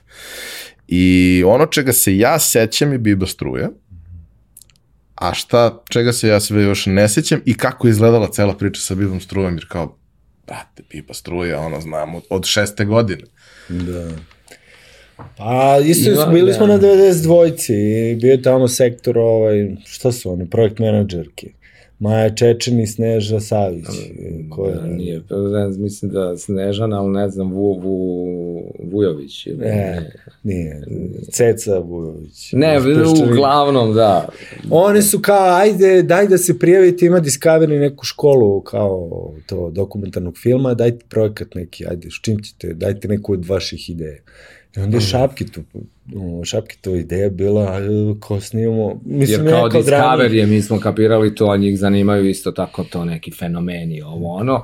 Nismo imali pojma kuda će to da nas odvede, ali to nam je bio um, nekako ulaz u taj sve dokumentarnog filma i tu smo naučili na tim radionicama, ne znam, kako funkcioniše to i pitch i pisanje projekta za dokumentarni film i izlaganje toga tim raznim commissioning editorima, odnosno urednicima sa stranih televizija i kako to sad, kako od nekog sinopsisa, ideje da na, dođe do filma i to je mukotrpan proces i Da, ušli smo kao jedini van Evropske unije te godine u taj program. I Discovery na gde je bilo desetak piču na filmova. IDFI, na, na festivalu dokumentarnog filma smo pobedili sa, sa trailerom za film i, i sa, ono, na, na, sa izlaganjem i te ideje i nekako nam su nam se tu stvari otvorile, da. ali ni, shvatili smo, mislim, to nas interesuje, ali ni, to su nekako stvari od kojih ne možeš ono to e, da funkcionišeš poslovno, to možeš da radiš kao neki polu hobi ili ako si baš super u tom svetu pa da ideš iz filma u film i da se slažu te kockice da se taj film onda prodaje po silnim televizijama u inostranstvu i kao na taj način da funkcionišeš produkciono. A, a, Ali na kraju s Bibom u produkciju filma, što nam je imponovalo, mislim, kad vidiš da iza tvoje neke ideje stan je ušla austrijski javni servis ORF, ušao je, ušli Danski. su dve danski javni I servis Šveđani. DR, onda e, švedski obrazovni program i dve kanadske televizije. I sada kao i taj Biba izašao i to je ono znaš, ono da, dok se porodiš, prikazivo se po festivalima, putovo je, dobili smo nagradu ovde na Belduksu za njega i šta ti ga znam. I mi od tada, znači Biba je izašao 2012. Da. Tako. Mi od tada, još ranije smo krenuli da radimo neki film o umiranju i malo kasnije smo krenuli o poslanicima. I to su sad dva ozbiljna dokumentarna projekta koji bi trebalo da postanu dokumentarni filmovi, ali jednostavno koji sa ciklotronom, što je sada, mislim, s ciklotronom nije baš tada, tako, ali mi nemamo vremena da se bavimo našim tim A, u, ali ima i veze, za- pošto pravimo Marka Žvaku koja isto to je kreativno to što nama pada na pamet daj da snimamo ovo ili ono i nekako se izražavamo i kroz ta, tu formu to bra, radimo sve vreme stvari koje volimo i onda je I nama je Marka Žvaka zapravo to manji deo posla, mnogo veći deo je što radimo uslužno za druge koji nas angažuju, da za njih radimo. Isto tako nešto neformalno, neposredno, nekonvencionalno, ala Marka Žvaki samo u sklopu da. njihovog biznisa ili projekata ili šta Da, i, a ovo što sad, to, mislim, dokumentarni film nas inače, ono, vuče nas i to sve što radimo, radimo kroz taj neki dokumentaristički duh. Imali smo 2007. isto kratki dokumentarni film uh, Prc, Prc. uh, o penzionerskom rekreacionom centru i to je možda... To su ugasili. Da, i, To bi nam super bilo da idemo bez jedno 40 godina s tobom. To su ti oni klubovi gde imaju kuvana jaja, prodaju i pije se pivo, vinjak, čaj, kafa, ko šta Igraje hoće. se šah, Igraju se domine. domine i šah. Ali to je recimo jedan od tih projekata koji je prošao ispod radara, koji je u stvari super, jedan filmić i pobedili smo sa njim u Banja Luci na ono, festivalu kratkog filma, to, tako da eto, m, ima, ne znam, fatalni putopis, to, to nam je, Da, to je isto od- side projekat. To je, znači, da bili smo na 92-ci, tražili su nekog mladog novinara da ide brodom 40 dana oko pola planete. I pitali su prvo koleginicu Danicu Ilić, koja je sad, ili je, ne znam da radi u Irixu, Irixu ili je radila na BBC-u Da. pre toga. Pitali nju, ona rekla, ljudi, znate šta, sad idu predsednički izbori, Kao Ne moramo da, da idem, ostanem moram da, da pratim, ostanem. ona radila u informatiku. Onda su pitali Jelenu Kikić koja je sada na, na Newsmaxu, ona je rekla ja ne smem da, da idem na brod, kao 40 dana niste normalni i onda su pitali nas dvojicu. I kao, I nas dvojica ali, smo otišli i, tamo. naravno u fazonu, ali evo on kamera, snimajte i kao to je neki low-fi putopis koji je strava, ono danas ja deci kad puštam, oni su fazonu, Ima na YouTube. Šale, evo ti dali ste. Ali ovaj, tu smo bili zanimljivo sa još jednom devojkom iz Bosne. Bili smo kao mladi novinari iz konfliktne zemlje. Tad smo još bili mladi, da. Da. Uklapali smo se u profil. Znači, Bosanka, mi, Indijac, Pakistanka, Izraelac, Palestinac i Kolumbika. I smo čekalo se mladi. kad će počne rat. Tako da. i to je bila ideja da svi imaju svoj kao sukobljenu stranu i onda su tu bile radionice i kao mi smo tu razglabamo o tome. dobro, ko je sukobljena strana za Kolumbiju? E, i to je bila ideja, pošto tu nema sukobljene strane, ova je, ova je sama, ovaj, Kolumbika morala da objašnjava, jer tu je sto strana, razumeš, tu su paramilitares, ovaj, FARC, vlada, ne znam. Droga. Znači, 600 strana i kao onda je ona ovaj, objašnjavala iz svoje vizure o svim stranama. I mi smo mislili da će biti žešći smo to, ali bilo je super. Bile su super radionice i bilo je to je japanski brod, bili smo s masom japanaca. I tu smo realno upoznali da, se s japanskom kulturu. kulturom, stvarno jedno fenomenalno iskustvo i eto, ako to još postoji, googlajte, pa možda, možda ima nekih stipendija tamo da, Da. se ovaj, To su ti konkuriše side za mlade. I zanimljivo to što ti voliš basket, to znamo. Ovaj, bio neki basket turnir na brodu, pošto bi tebe. da. I kao muško-ženske ekipe i mi sa Kolumbikom, kapiraš? I palestincem. Ma nije, ba, ovo Jeste, je- Valid je igrao s nama, znači nas trojica i Kolumbika, pošto je če, ono četiri, a ima pravo na izmenu, Aha, bio, kao tri na tri imaš jednu sam izmenu. I onda prosto smo bili dominantni po visini u odnosu na prosek dosta japanski. brutalni do samog finala.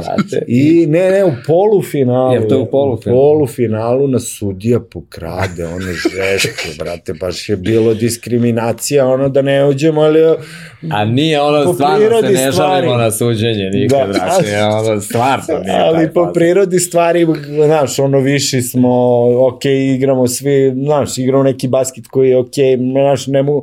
Pritom su i koševi malo niži, znači, tako da je, ono, nije baš da možemo da zakucamo, ali kao Bobby.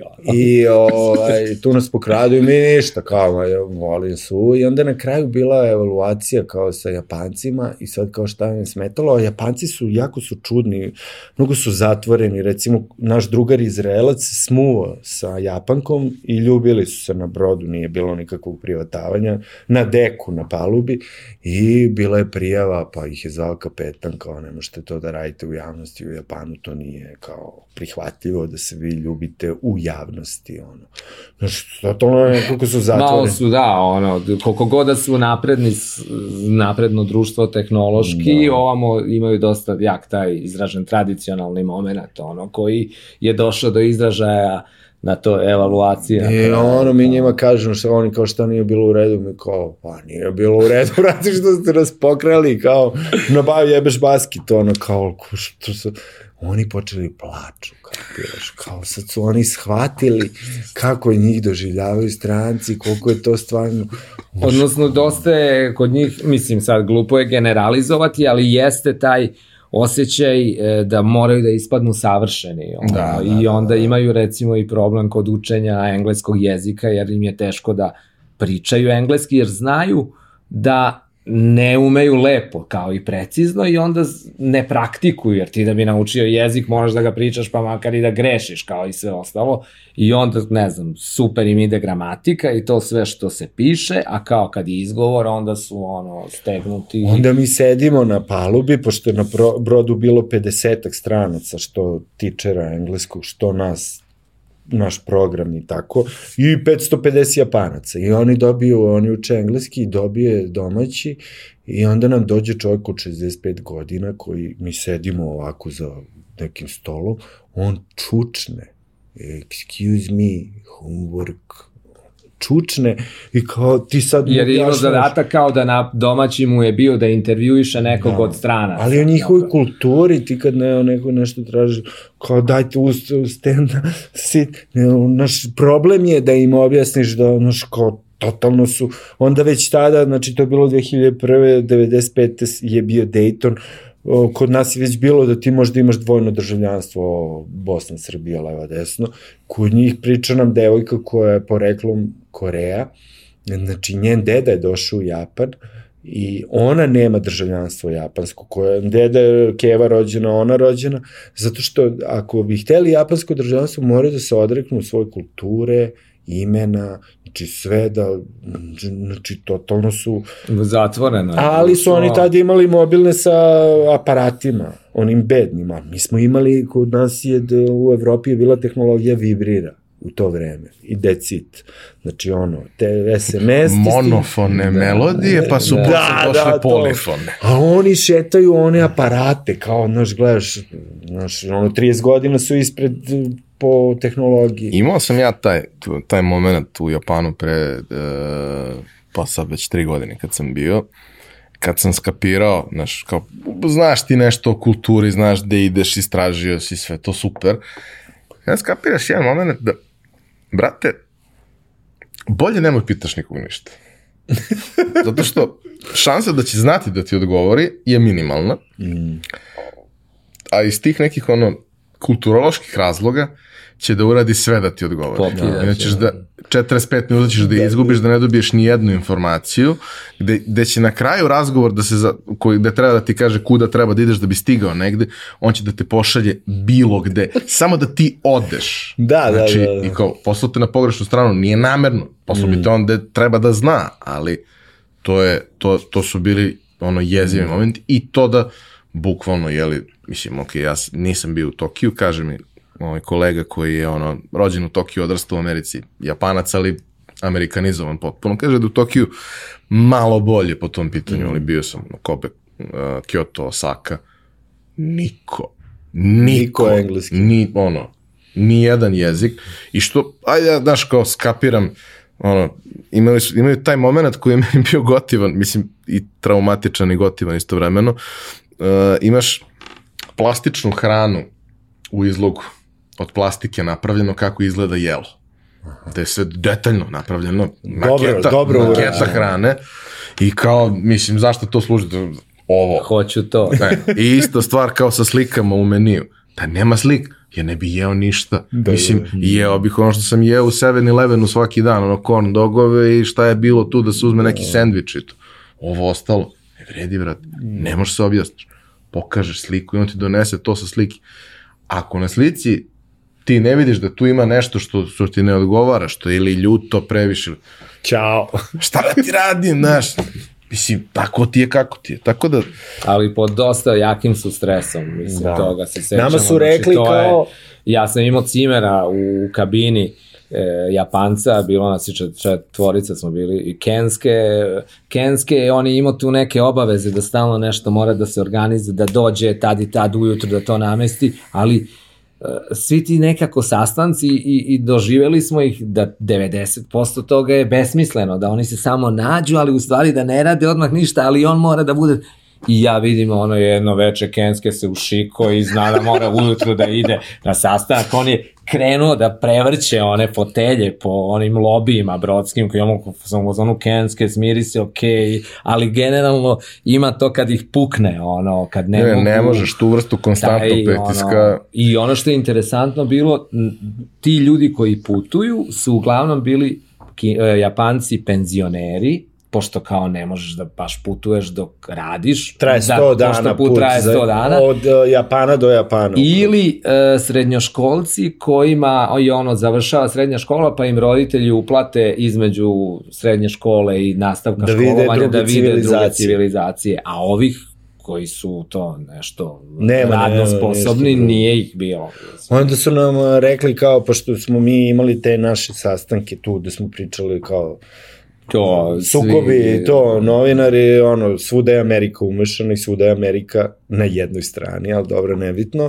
A imali smo pred Japancima u velikom salonu Brodskom da predstavljamo što svoje sukobe, što zemlje iz kojih dolazimo, kao, znaš, imaju oni filmove, imaju dance, imaju ovo, ono, brate, stalno si na moru, mora neki program. I onda su nam rekli, kad budete držali predavanja, nemojte da se ono nešto istripujete, 30% ljudi će da spava. Ali neće spava zato što ste vi njima dosadni, nego oni, njima je malo, uvijek Da, im fali sna, im hronično su sna. neispavani i oni će spavaju i to je okej. Okay. I stvarno, brate, ti ono, viš, na svakom predavanju i na našem, tu, ono, njih spava. Onda kao Što je ispitivanje... super, mislim, bilo bi strava da ti sad ovde odeš na neki sastanak i kao, Kao spavaš. zaspo si da niko tu nije u fazonu, ja, evo ga spava. Onda kao, kažu, ispitivali su decu šta im je, mm, na, šta, šta im najviše e, nedostaje u detinstvu? San.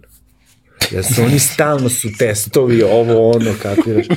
Tako da je jako Da. da. zanimljiva kultura i civilizacija, u stvari jako zatvorena i kao kad vidiš nas koji tu divljamo i ovo, Indija, Pakistan i to, i, mislim svi živi, ono, Izrael, Palestina, ovi Japanci su malo izmešteni, ali ne znam, tako, nisam ih Mislim da su sve ostarske zemlje malo specifične, da. znaš, posebno ako su ostale zatvorene, bez obzira što danas je to dostupno, ali ostali prilično zatvoreni spremno tome.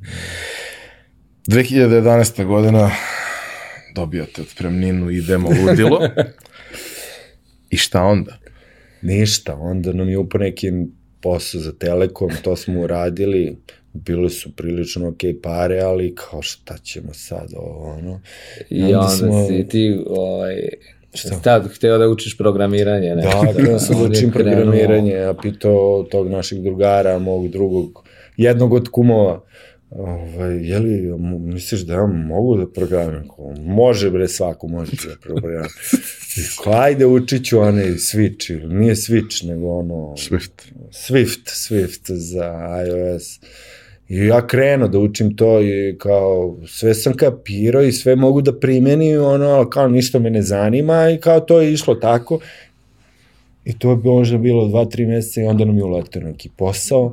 Onda smo, ajde krenemo bre na YouTube-u, puštamo mi Marka Žvaku. Jer smo kao snimali od kako smo otišli, pa kao jednog dana ćemo, sve smo navikli na televiziju, kao iće na nekoj televiziji i onda smo krenuli da puštamo na YouTube. Na YouTube, da, i to je ono što je razlika u odnosu na TV, mi smo na TV-u donosili snimljen materijal, popisan onako, o, o, ne znam, ne baš do detalja, ali to znamo, hoću da mi ovo ide ovde, ovo ovde i onda uđeš u montažu i zajedno s montažerom, montažerkom se to skroji u epizodu, a kad smo otišli s TV-a počeli smo sami da montiramo jer smo shvatili da nema, mislim i onako radimo to iz ljubavi i pošto nema, nije bilo nikakvog budžeta za to, radili smo ovako što nam se radi, naučili smo i da montiramo i kao mic po mic, to tako i dan danas funkcioniše. Da. I tako da od tada je krenulo negde i krenuli su ti poslovi sa strane i onda imaš M. Marka Žvaku, M jedno, dve, tri stvari paralelno koje se dešavaju, neka posla koji ti Da, što tako se nekih voze. namenskih ono dokumentaraca, digitalnog marketinga i tako, eto, otprilike tako funkcionišemo. Ali mislim da je dosta lepo uh, to što, znači ja ispratim veliku većinu onoga što vi radite komercijalno za klijente. Uh, mnogo je lepo što ste vi ostvareni autori koje ljudi znaju i klijenti znaju i onda se čini da uh, u saradnji sa njima osta, ostavljaju vam mogućnost, odnosno dobijate slobodu da vi budete vi, odnosno da vi to uradite na vaš način. Kažu oni vama šta je njima bitno. To jeste uvek važno u tom odnosu. Nije poenta da ti snimiš nešto što njima ne vrši posao. Kažu oni vama šta je bitno, ali dobijate slobodu da vi to ispričate na, na, na neki svoj način, jer kao, ako ne dobiješ tu slobodu, pa što si nas uzao, može bilo ko da ti Baš sluša. Tako je, to nam i kažu. Oni nas i zovu da bi mi od ljudi koje snimamo izvukli nešto više. Pošto nas prepoznaju i po tome. Znači da ne bude ono samo moja štamparija je otvorena 2017. godine ima štampamo velike forme, a, nego da bude ono malo nešto duše u tome I onda su svesni, mislim, ti ljudi, prosto imaš, snimaš nekad možda štamparija i nije toliko dosadno, ima mnogo dosadnih stvari od štamparije koje snimamo i to su i klijenti svesni toga i onda im je stalo, aj već kad je to, da bude što zanimljivije, da može da se gleda, mislim. Ja se sećam jednog projekta, ima jedno 4-5 godina, ja mislim, to neke, kako ste ga radili, kada ste uzeli da uradite nešto što iz mog ugla nemoguće, a vi ste to uspeli i ja vam skidam kapu na tome, a to je, uspeli ste da humanizujete banku. Krenuli ste da radite serijal gde je prosto ono, u svakom od gradova, odnosno u određenom broju gradova, dolazite, upoznajete ljude koji rade u tim bankama i pričate sa njima njihove priče i to ide, ono, jeste to za mene i relevantno šta radi čovjek u Nišu u toj banci. Ali je zanimljivo.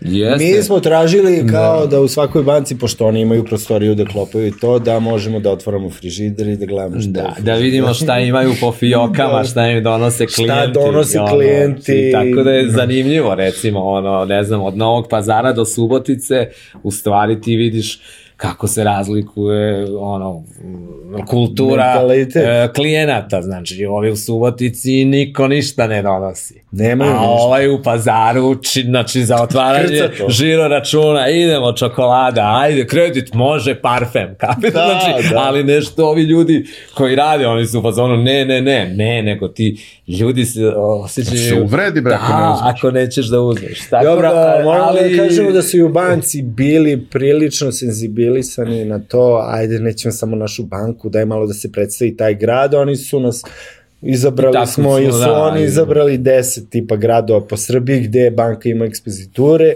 i onda smo mi snimali Tako. malo i o gradu, malo o ovom, malo o onom, da se malo- predstavi malo i zajednica gde posluju i tako, ali u principu da, ljudi kad ko nas zovu da nešto uradimo, onda je to dajte uradite da to bude zanimljivo za gledanje, a ne sad da bude reklama za nešto kao ko što niko neće da gleda. Tako je. Ja sam uh, par godina pre toga pičovao tu ideju jednom telko operateru koga neću spominjati, a, a došao sam na tu ideju tako što sam zapravo kroz neki potpuno deseti projekat obišao par gradova po Srbiji i upoznao par ljudi koji su ono vodili prodavnice i tako dalje. I sad upoznao sam neke ljude u, u tom celom procesu gde kao jedan od njih, on je šef prodavnice, dakle ima dobru platu za uslove tog malog grada i tako dalje. Ali on je čovek karate majstor koji ima svoju školu karate i on je čovek uh, napravio pored karatea ima i svoju malu školicu u kojoj deci predaje programiranje. Ja sam u fazonu čoveče, ovaj čovjek je bog. Niko ne zna da on postoji. Mislim, njegovi sugrađani znaju, ali kao čovjek koji je ovoliko fantastičan za svoju zajednicu, radi kod vas, vi ništa niste uradili po tom pitanju da neko zna za njega. Čovječe, ja bi ga stavio na svaki billboard. Da. I kao, onda su oni krenuli malo da kopaju, pošto kao bilo im je to interesantno, posle su na kraju uradili neku kampanju koja je na tu foru, ali je fake, gde su kao, uh, ti mi deluješ kao neko ko vozi motor, ajde ti da, Da, voziš da, motor Da, na, na, na malo previše reklami. marketinga. Ovaj, ali uh, kada su krenuli da istražuju, zapravo su shvatili da u mnogim od Mm. svojih ono ekspozitura, nisu to ekspoziture, ali svojih radnji, imaju neke ljude koji imaju potpuno neverovatne priče, kao imaš čoveka koji je 70 puta dao krv, Mm. koji je ono naših godina, bre, nije, naš, nije čovjek od 60 godina pa je 70 puta, ne kao to, kao, znaš, pa onda imaš ljude koji on u slobodno vreme penje planinske vrhove, pa sad naravno nema mogućnosti da ode Mount Everest da penje jer nema para, ali je popeo sve i svašta, napisao o tome knjigu koju nije imao ko da mu izdaja, kao, izdajmo Yes. knjigu. Kao, brate, to, to ne košta ništa. Mm. Znači, to, to su toliko beznačajne pare, a to je toliko lep storytelling. I nije se desilo. Ali to jeste najbolji način da ti predstaviš ono i svoju korporaciju i to da ti kroz te zaposlene Kroz ljude ne svoje. sad ono snimaš ih samo u kancelariji nego daj da vidim a ovaj vozi ne znam avion sportski može ne znam Nedavno sam imao, kao, do- dobio sam dogovor sa nekim kolegom da pišem povremeno za, za neki njegov portal i onda kao jedna od, od tema koje, koje treba da pokrijemo je kako da privučeš fantastične ljude u svojoj firmi. Ti sad imaš ceo kroz IT, imaš celu tu priču o employer brandingu i kao koliko je važno da firma pokaže, pa sad svi imaju game room, svi imaju fit pass, svi imaju privatno zdravstveno, Tako svi imaju je. voće i tako dalje. E, super, to imaju svi. Ali te neke ljude nemaju svi. I ti kad upoznaš te ljude, kad upoznaš neke vanserijski interesantne ljude, bilo da je u pitanju uh, vlasnik biznisa, osnivač koji je to počeo, koji je verovatno morao biti vanserijski po nekom pitanju da bi uspeo da napravi to uspešno. Ali da bi on privukao te slične sebi, mora postoji neka magija. I onda ako imaš njih i ako su oni tu dugo, ako imaš čoveka koji je wow, koji je tu 10 godina, brate, on treba da ti kaže zašto je tu. On ako kaže zašto je tu, to će da privuče Gde još ćeš 10 bolju takvih. da. Jer kao, znaš, meni se par puta u životu dešavalo, nije da pravim poređenje tog tipa, ali ja stvarno 20 godina radim i maksimalno se trudim da to što radim, da mogu iza svega što sam radio da stanem.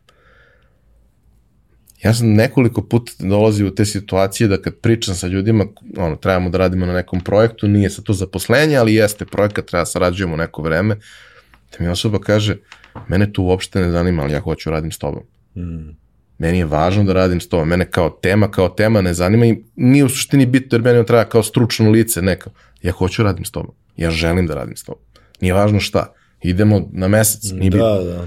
I kao taj moment, taj moment je vrednost. I to što ste vi uspeli da izvučete takve priče, plus gomilu zabavnih stvari, jer mnogo je lepo kad su stvari i vesele. Jest. Pa tu To imamo je sreće jer kao masa tih ljudi koje snijamo, ne, to ne znam, kao klijente ili deo tih priča, oni već znaju, ne znam, e, vi radite ovo ili ono i onda i oni doživljavaju to dosta opuštenije, što je super za snimanje, jer kad ono ti se sagovornik stegne i dođe sa tekstom koji treba da ispriča spontano, to je pakao i ono mi sad iz iskustva ovaj trudimo se uvek, pa nemojte to što ste spremili, ne, tu ne vredi, kad neko dođe s napisanim tekstom, on i, i ako ga ne gleda, on pokušava da se seti šta je napisao da to kaže i to je uvek izgleda Najgore, havarisano skroz. najgore kad mu je taj tekst napisao neko drugi.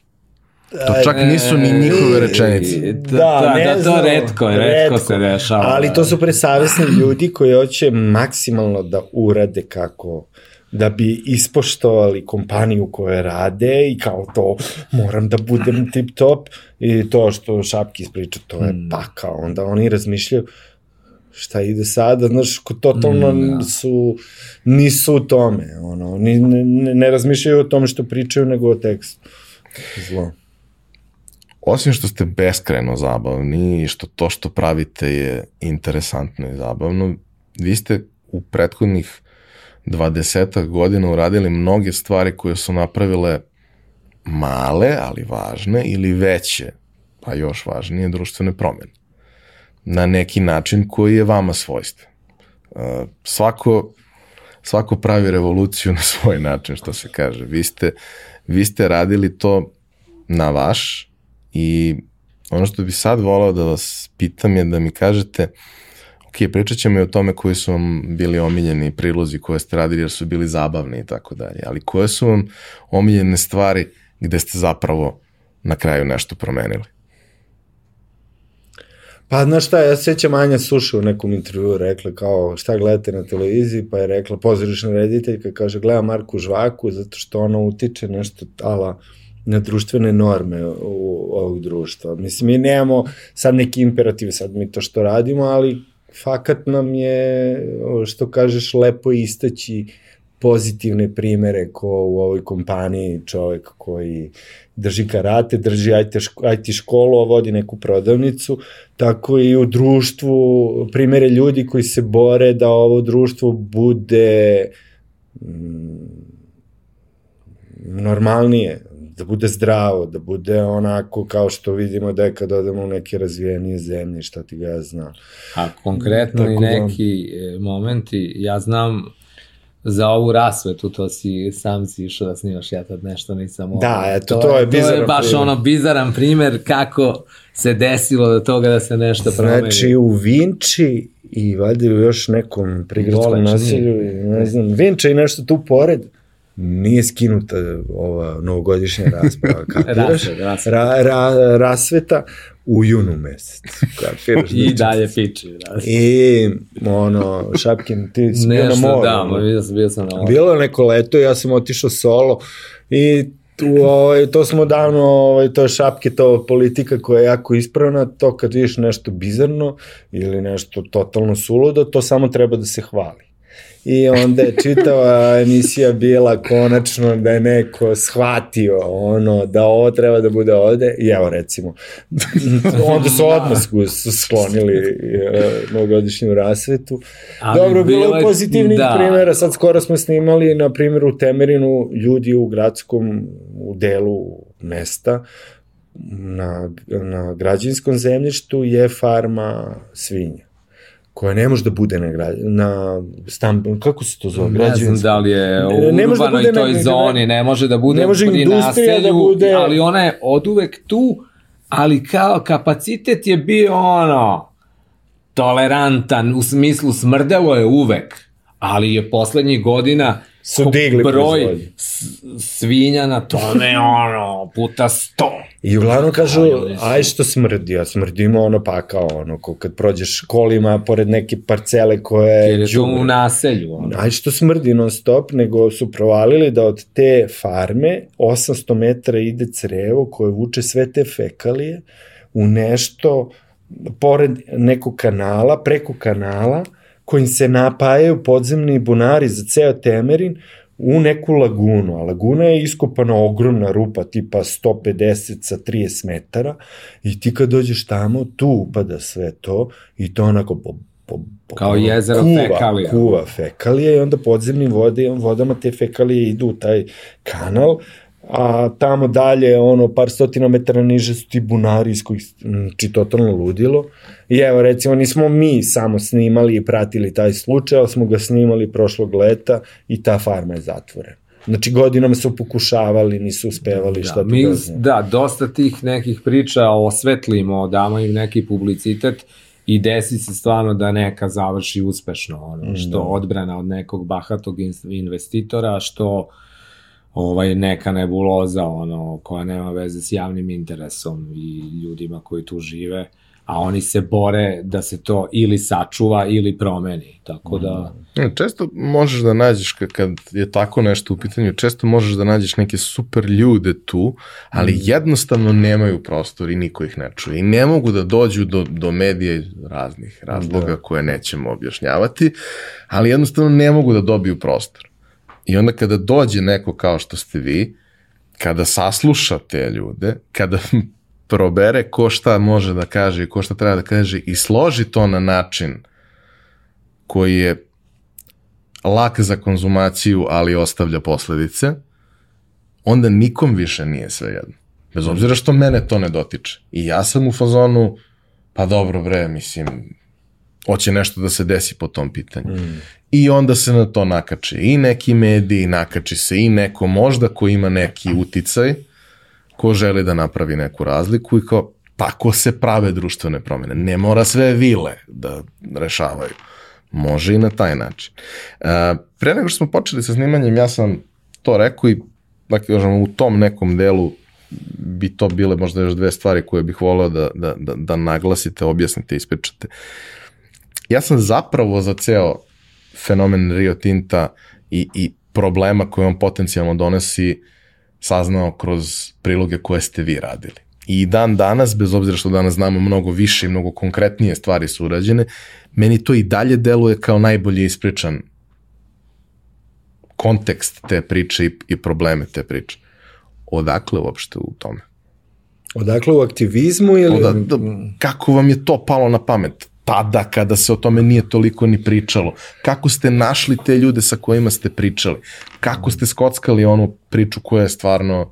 Da, pa prvo oko kockanja priče, znači, uh, nama su tu dosta pomogli, to vreme još nismo montirali, u stvari pomogli. Montažeri sa 92-ke, Irena Domazetović, Suzana, Slavica. Slavica, a, ma sad ćemo neki, ne. nekog zaboraviti, ali sve devojke odande koje, znaš, kao ti kad dođeš u montažu, evo ja sam snimio pa da montiram, pali odavde, idi tamo na mašinu, pregledaj, popiši i napiši šta hoćeš da uđe i napravi mi kostur. Znaš, ili ti kad popišeš materijal, ne ide ti sve Hronološki. hronološki, nego ti je super da ti ovaj krene, da imaš neki zvrk na početku, pa da onda se lepo objasni šta je, pa ono... Pa takozvane pokrivalice, Evo, daj da. Bože nikom. Tako da su one zaslužne za to što kao, i naravno moja profesorka Hristodulo, ovaj, znaš, da se Da priča se iz to priča, ispriča, da, da. mora da bude jasno šta je kako. A što se tiče konkretno Rio Tinta, mi smo otišli tamo na teren eh, sa Miletom Mijatovićem iz Pakta, to je podrinski antikorupcijski Tim. tim. I on je čovjek, znaš, on, stali smo na most i on je pričao, evo reka Jadar, Jalovište, rudnik je tu niže, Jalovište će tre, da bude odmah uz reku, a Jadar je 2014. narasto 5 metara. I sad bi, evo, kao možete da vidite, eno ga tamo neki gol, bilo je do gola, znači kad naraste Jadar, on će povuče Ako sve se desi, ovo, ne ako mora se da desi, se desi narednih 20 godina, ali može se desi za 80. Mislim, ali generalno e, super je malo Da. da. iscimati si, da odeš na par lokacije da snimiš. On nas je vodio ko danas sve m, svima poznatog Zlatka Kokanovića, seljaka, da. koji je tamo, koji živi tamo i koji imaju zemlju, imaju o, stoku, mislim, prosto... A što se tiče dolazaka do, do tih ljudi, do tih priča, nama se dosta ljudi javlja koji imaju nekakav problem. Znači, ono, pišu nam, ne znam, evo ovde nam je, su, nam je brdo, ne znam, e, đubreta, a ovde ovi će da nam zazidaju e, svetlost, nećemo više ništa da vidimo, ili nekom će da, za, ono, na negde će da strpaju reku u cevi i onda doživljavaju nas kao i malo platformu kroz koju mogu da ispričaju te svoje priče, što nama olakšava, a malo i otežava jer ne možemo sve da stignemo, a i ne bismo samo da se bavimo aktivizmom, već kao i stvarima koji nisu samo aktivizam. I inače što se Rio Tinta tiče, tamo kad smo bili u Gornjim nedeljicama u tom selu, kad je to snimano? Pre godinu i po, recimo. Da, možda. Ne znam, ili tako nešto. I tu ima kuća kao Rio Tinto, kao Rio Tinto. Njihov kao kuću, centar. Izložbeni salon, tu muftaju ovo, žitelje da im otkupe, evo, tu ti sve imaš ono šta je jadarit, da je to ruda iz koje se dobija litijum i bor. Dosta je kao transparentno, uh, jer je verovatno zapadnjačka kompanija Mm. i onda imaju takav pristup, nisu zatvoreni kao Da. kinezi gde ono, ne, nema snimanja, ne, znaš kao. I to sam isto vidio, E. da. Ali o, Ali ovaj, tu smo, mi kao nikad ne snimamo te, ali stvari su jedan kroz jedan, šta ima snimamo, ono, kao da imaš obe strane. Ok, obe strane treba imati i u redu, je, ali kad je neki hardcore koji je kao Rio Tinto ili kao Ling Long, kakva bre druga strana, mislim dovoljno kao samo da prikažeš a i nas, činjenice. mislim, nemamo tu, kako da kažem, ne patimo od toga. Mo, da, Nismo na mediju, Da. na mediji bi morao to da radi. bismo da sad to- Etika i to, a mi smo privatna više produkcija radimo šta ne, ali i hoćemo. mi doživljamo dosta toga opet i subjektivno Da. i snijamo to malo dokumentaristički gde ti sad ne moraš samo da imaš aha, sad je ovo rekao ovaj, a ovo je rekao ovaj, a ovo je rekao, pa da se tu napravi Da. neki balans, mi to jednostavno ono, Ali ovde Da, smo da. ušli kad su već ovde, mi Da, kao da mi snijamo, možete vi da ne date izjavu, to su neke devojke kao mi ne dajemo izjavu, ali kao evo e, telefon, kao javite se u Beograd, daću, pa, pa s njima razgovarati i nama nije bilo teško, tako da smo zvali taj Beograd. Tako da smo u toj emisiji o Rio imali i drugu stranu, što stvarno nije loše nekada se čuje, ali ne, ne, jednostavno ne postavljamo u startu priču tako da da čujemo ovo ili ono, jer šta sad s ovim, recimo, koji imaju u tom temerinu su imali brdo tih svinja i šikaju fekali u tu njivu. Šta nji- šta oni je- da ti kažu? Kao, Blasfemija, mi- a tamo im bločkaju govna, on će ti priča, mi imamo najnovije filtere, sve, ko, naš, neće ti on reći, jeste, mi frljamo govna, Ili u ono, neki koji- lagunu, ide u vodovod i kao... ili neki koji gase filtere noću kao i ispuštaju Boga oci kao uh, naravno reći će ti mi ne gasimo Da, filtere da, da. noću, okej, to I njima treba davati prostor. Tako pa. da, ali bilo je priča, recimo onaj ribo čuvar Oliver Jest. kod Pančeva, njega smo snimali, on je čovjek bio u nemilosti, gazde, odnosno direktora, oni su pripadaju, mislim, Vojvodina vodama ili Tako tako nešto. nešto. On je čovjek se borio protiv uh, ribokradica, krivolova, ludila izlovljavanja pod Tamišu, ono, riblje mlađi, ali je došao u nemilost šefova, jer kao on je provalio da oni vraćaju ovim uh, čamce, da se ti slučajevi su ne znaš, da su tu neke šeme. I snimali smo ga kad je bio u nemilosti i uspeo je da ih pobedi sve, nekako što pravno, što kroz ono malo medije Pa, i kroz pritisak uvek. pritisak, vraćen je na posao, direktor je smenjen i kao ti pecaroši tamo koji stvarno ljudi pecaju sa dozvolama, oni tvrde od kako je Oliver tamo ima ribe. Da, pre nije bilo ribe. kao, to je to. A kaže lovokradice 300 evra dnevno, čist profit, kapiraš, jel uzme pregradi celu reku mrežom, ili pusti struju, ili ovo, ili ono. I kao, to super kinta, živa kinta i oni onda podmićuju ove. I ti za stvarno ono jedan čovek se pojavio tamo da. i, i je. sistem. To, to jedan čovjek se rekao, e, ne može, Da, da, da, da, da. Ne da. Tako da... A on je pritom, mislim, stvarno je ono lik e, za dokumentarac. Da. Znači, on je sam sebe obučio, on vozi drona, nadgleda sve Da, to. Znači, kupio je dron od svojih para. Od svojih para, on je posvećen tome. Inače je penzioner, ono, Da, ne znam. vojni invalid. Vojni invalid, ali skroz je ono... Ta vojna lica su Da, zajebana. da. Da, jedino Ta oni, vojna lica su oni penzioneri. Niko drugi nas neće spasiti. Uh, ajde da za kraj se vratimo na smešnu stranu. Mislim smešnu, zabavnu, kakvu god. Uh, kroz ovih pa više od 20 godina koje radite, ali ja kažemo 20 godina tog video stvaralaštva, koje priče koje su zabavne su vam nekako omiljene, koje su vam ostale u, u, u najvećem sećanju? Znamo svi koje su najpopularnije, to se danas relativno lako reši, odeš na YouTube i staviš najviše pregleda i vidiš koje su i mislim mnogi od onih koji su tamo na tom spisku su i meni jako dragi. Ali koje su vam? Teško pitanje. Meni sad prvo, pošto je obično šta ti prvo padne na pamet, meni prvo na pamet pada jedan od junaka iz e, epizode ciklotrona Opstanak sa beogradskim beskućnicima, a to je Buba.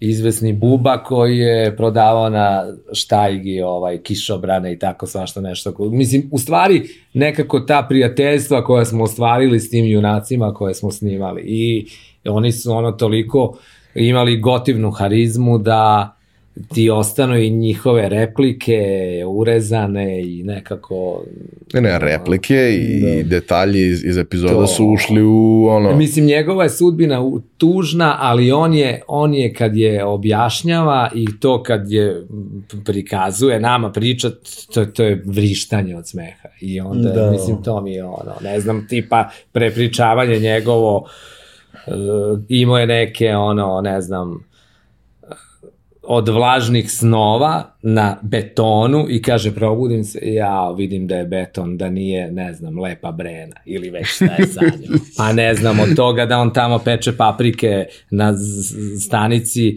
ili ne znam, kad je bilo bombardovanje, kad je grunulo, ne znam, a on je ne znam šta Kaže, radi. poremetili me mozak. poremetili mi mozak. I tako mislim, Ne, ili ima ta scena neka gde taj buba stoji i nailazi neki onaj nosač prtljaga koji kaže, vidi kameru kao on bi da pozdravi našeg predsednika i da ga pozdravim Slobodana Miloševića, a Buba ga pita, jeli, a se sećaš ti one pesme, ono, kaže, bilo je to u jednoj zemlji seljaka na Brdovitom i krene da mu recituje sada, mislim, tako epske scene.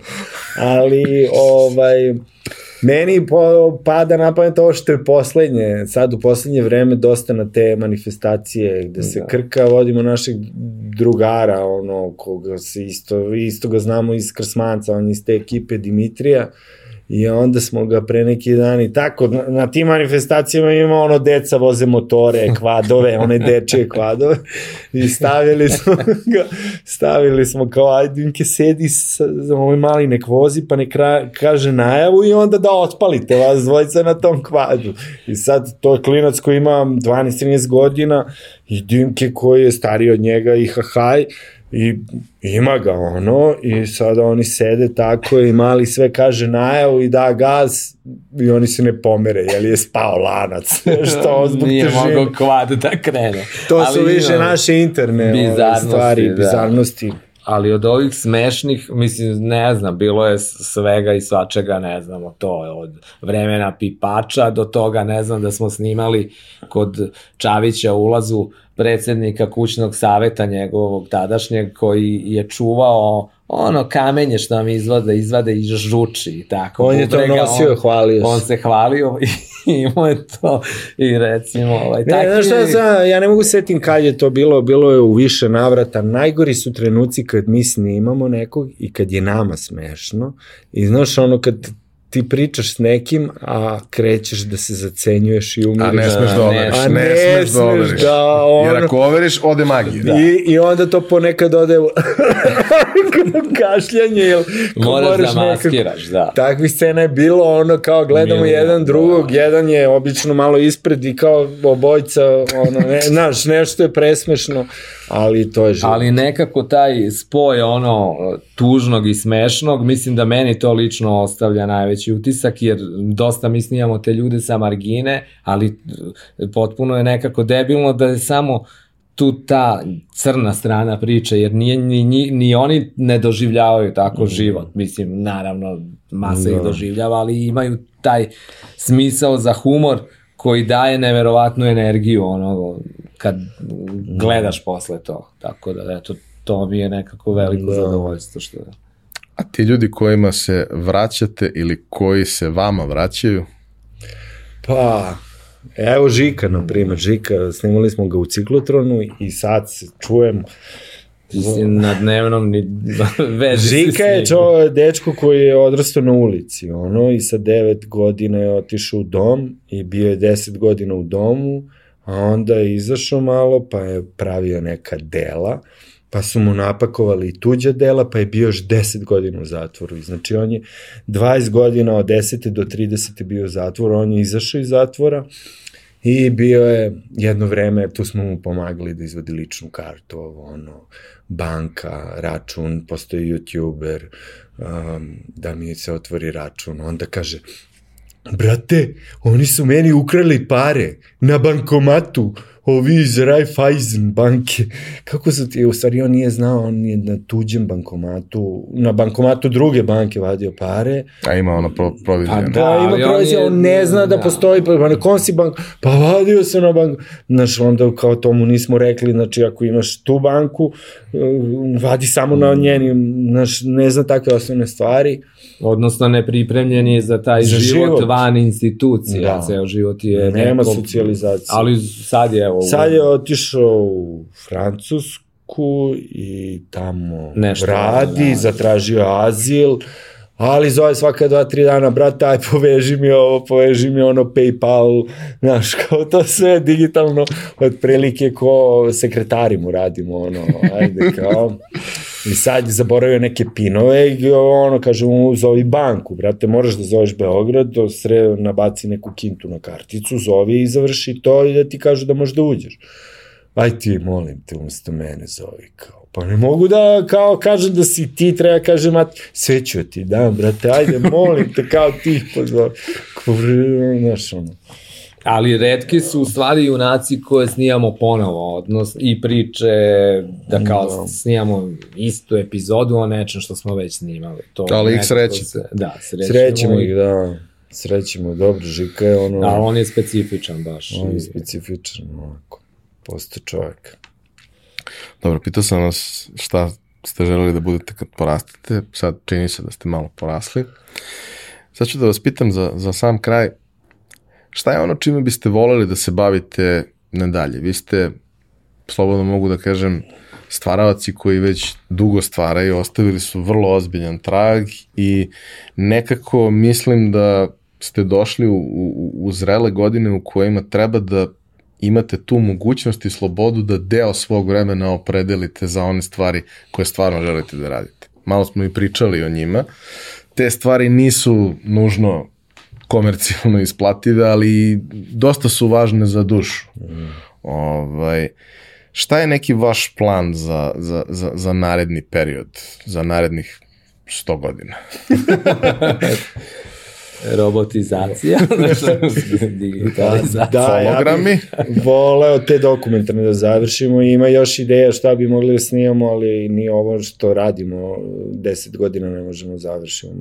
Mislim, je li ipak to nekako Ma danas sve Da. ostaje, ali eto, to bih voleo. Ne? Isto. Mislim, to sad profesionalno, da, da, Da. još tih putopisa nekih uvrnutih i svega, ono, da malo bude normalnije ovaj stanje, pa da ima manje ovih aktivističkih i Da. priča o problemima, ono, to bi bilo Da, super, da, ali mislim da, da, da, da smo daleko od toga. Da imamo više vremena da se posvećujemo stvarima do kojima nam je stalo, do kojih nam je stalo.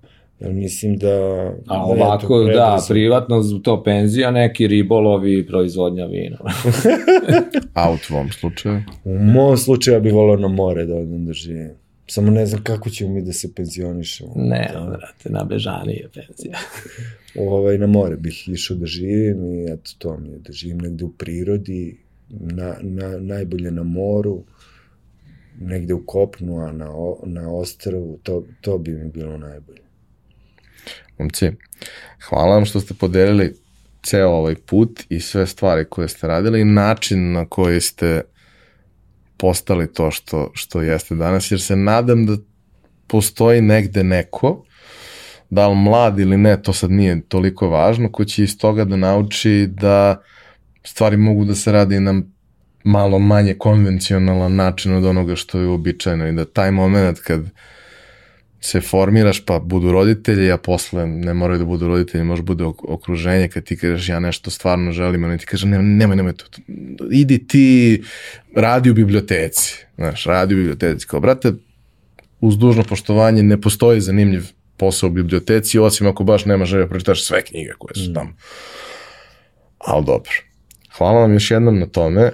Nadam se da ćete dobiti priliku i, i, i poverenje da uh, možete da radite one stvari koje želite, pored ovoga što sada radite, jer ne bih voleo da prestanete, treba mi. Treba mi. Hvala. Hvala i tebi, A, nastaviti istom merom. To. I još jače. Hvala vama što ste nas slušali i gledali, nadam se da vam je bilo zanimljivo. Sva pitanja, predloge, sugestije, mislim, vi već znate da njima možete da pišete za sve probleme i za sve neke zanimljive stvari koje želite da, da se isprate, ali ako imate bilo kakvo pitanje o ovome o čemu smo pričali ili želite da podržite ono što, što oni rade, imate razne mogućnosti, najjednostavnije od njih je da ispratite njihov Patreon i da se tamo pretplatite. Ima tamo jedna mala, ali lepa grupa ljudi koja ume da ceni to što ova dva genijalna kreativca koja znamo kao Dušan i Dušan ovaj, rade, tako da moja topla preporuka da i, da i vi razmislite o, o, o tome da, da postanete njihov Patreon. Hvala što ste slušali i gledali. Vidimo se mi ponovo sledeće nedelje.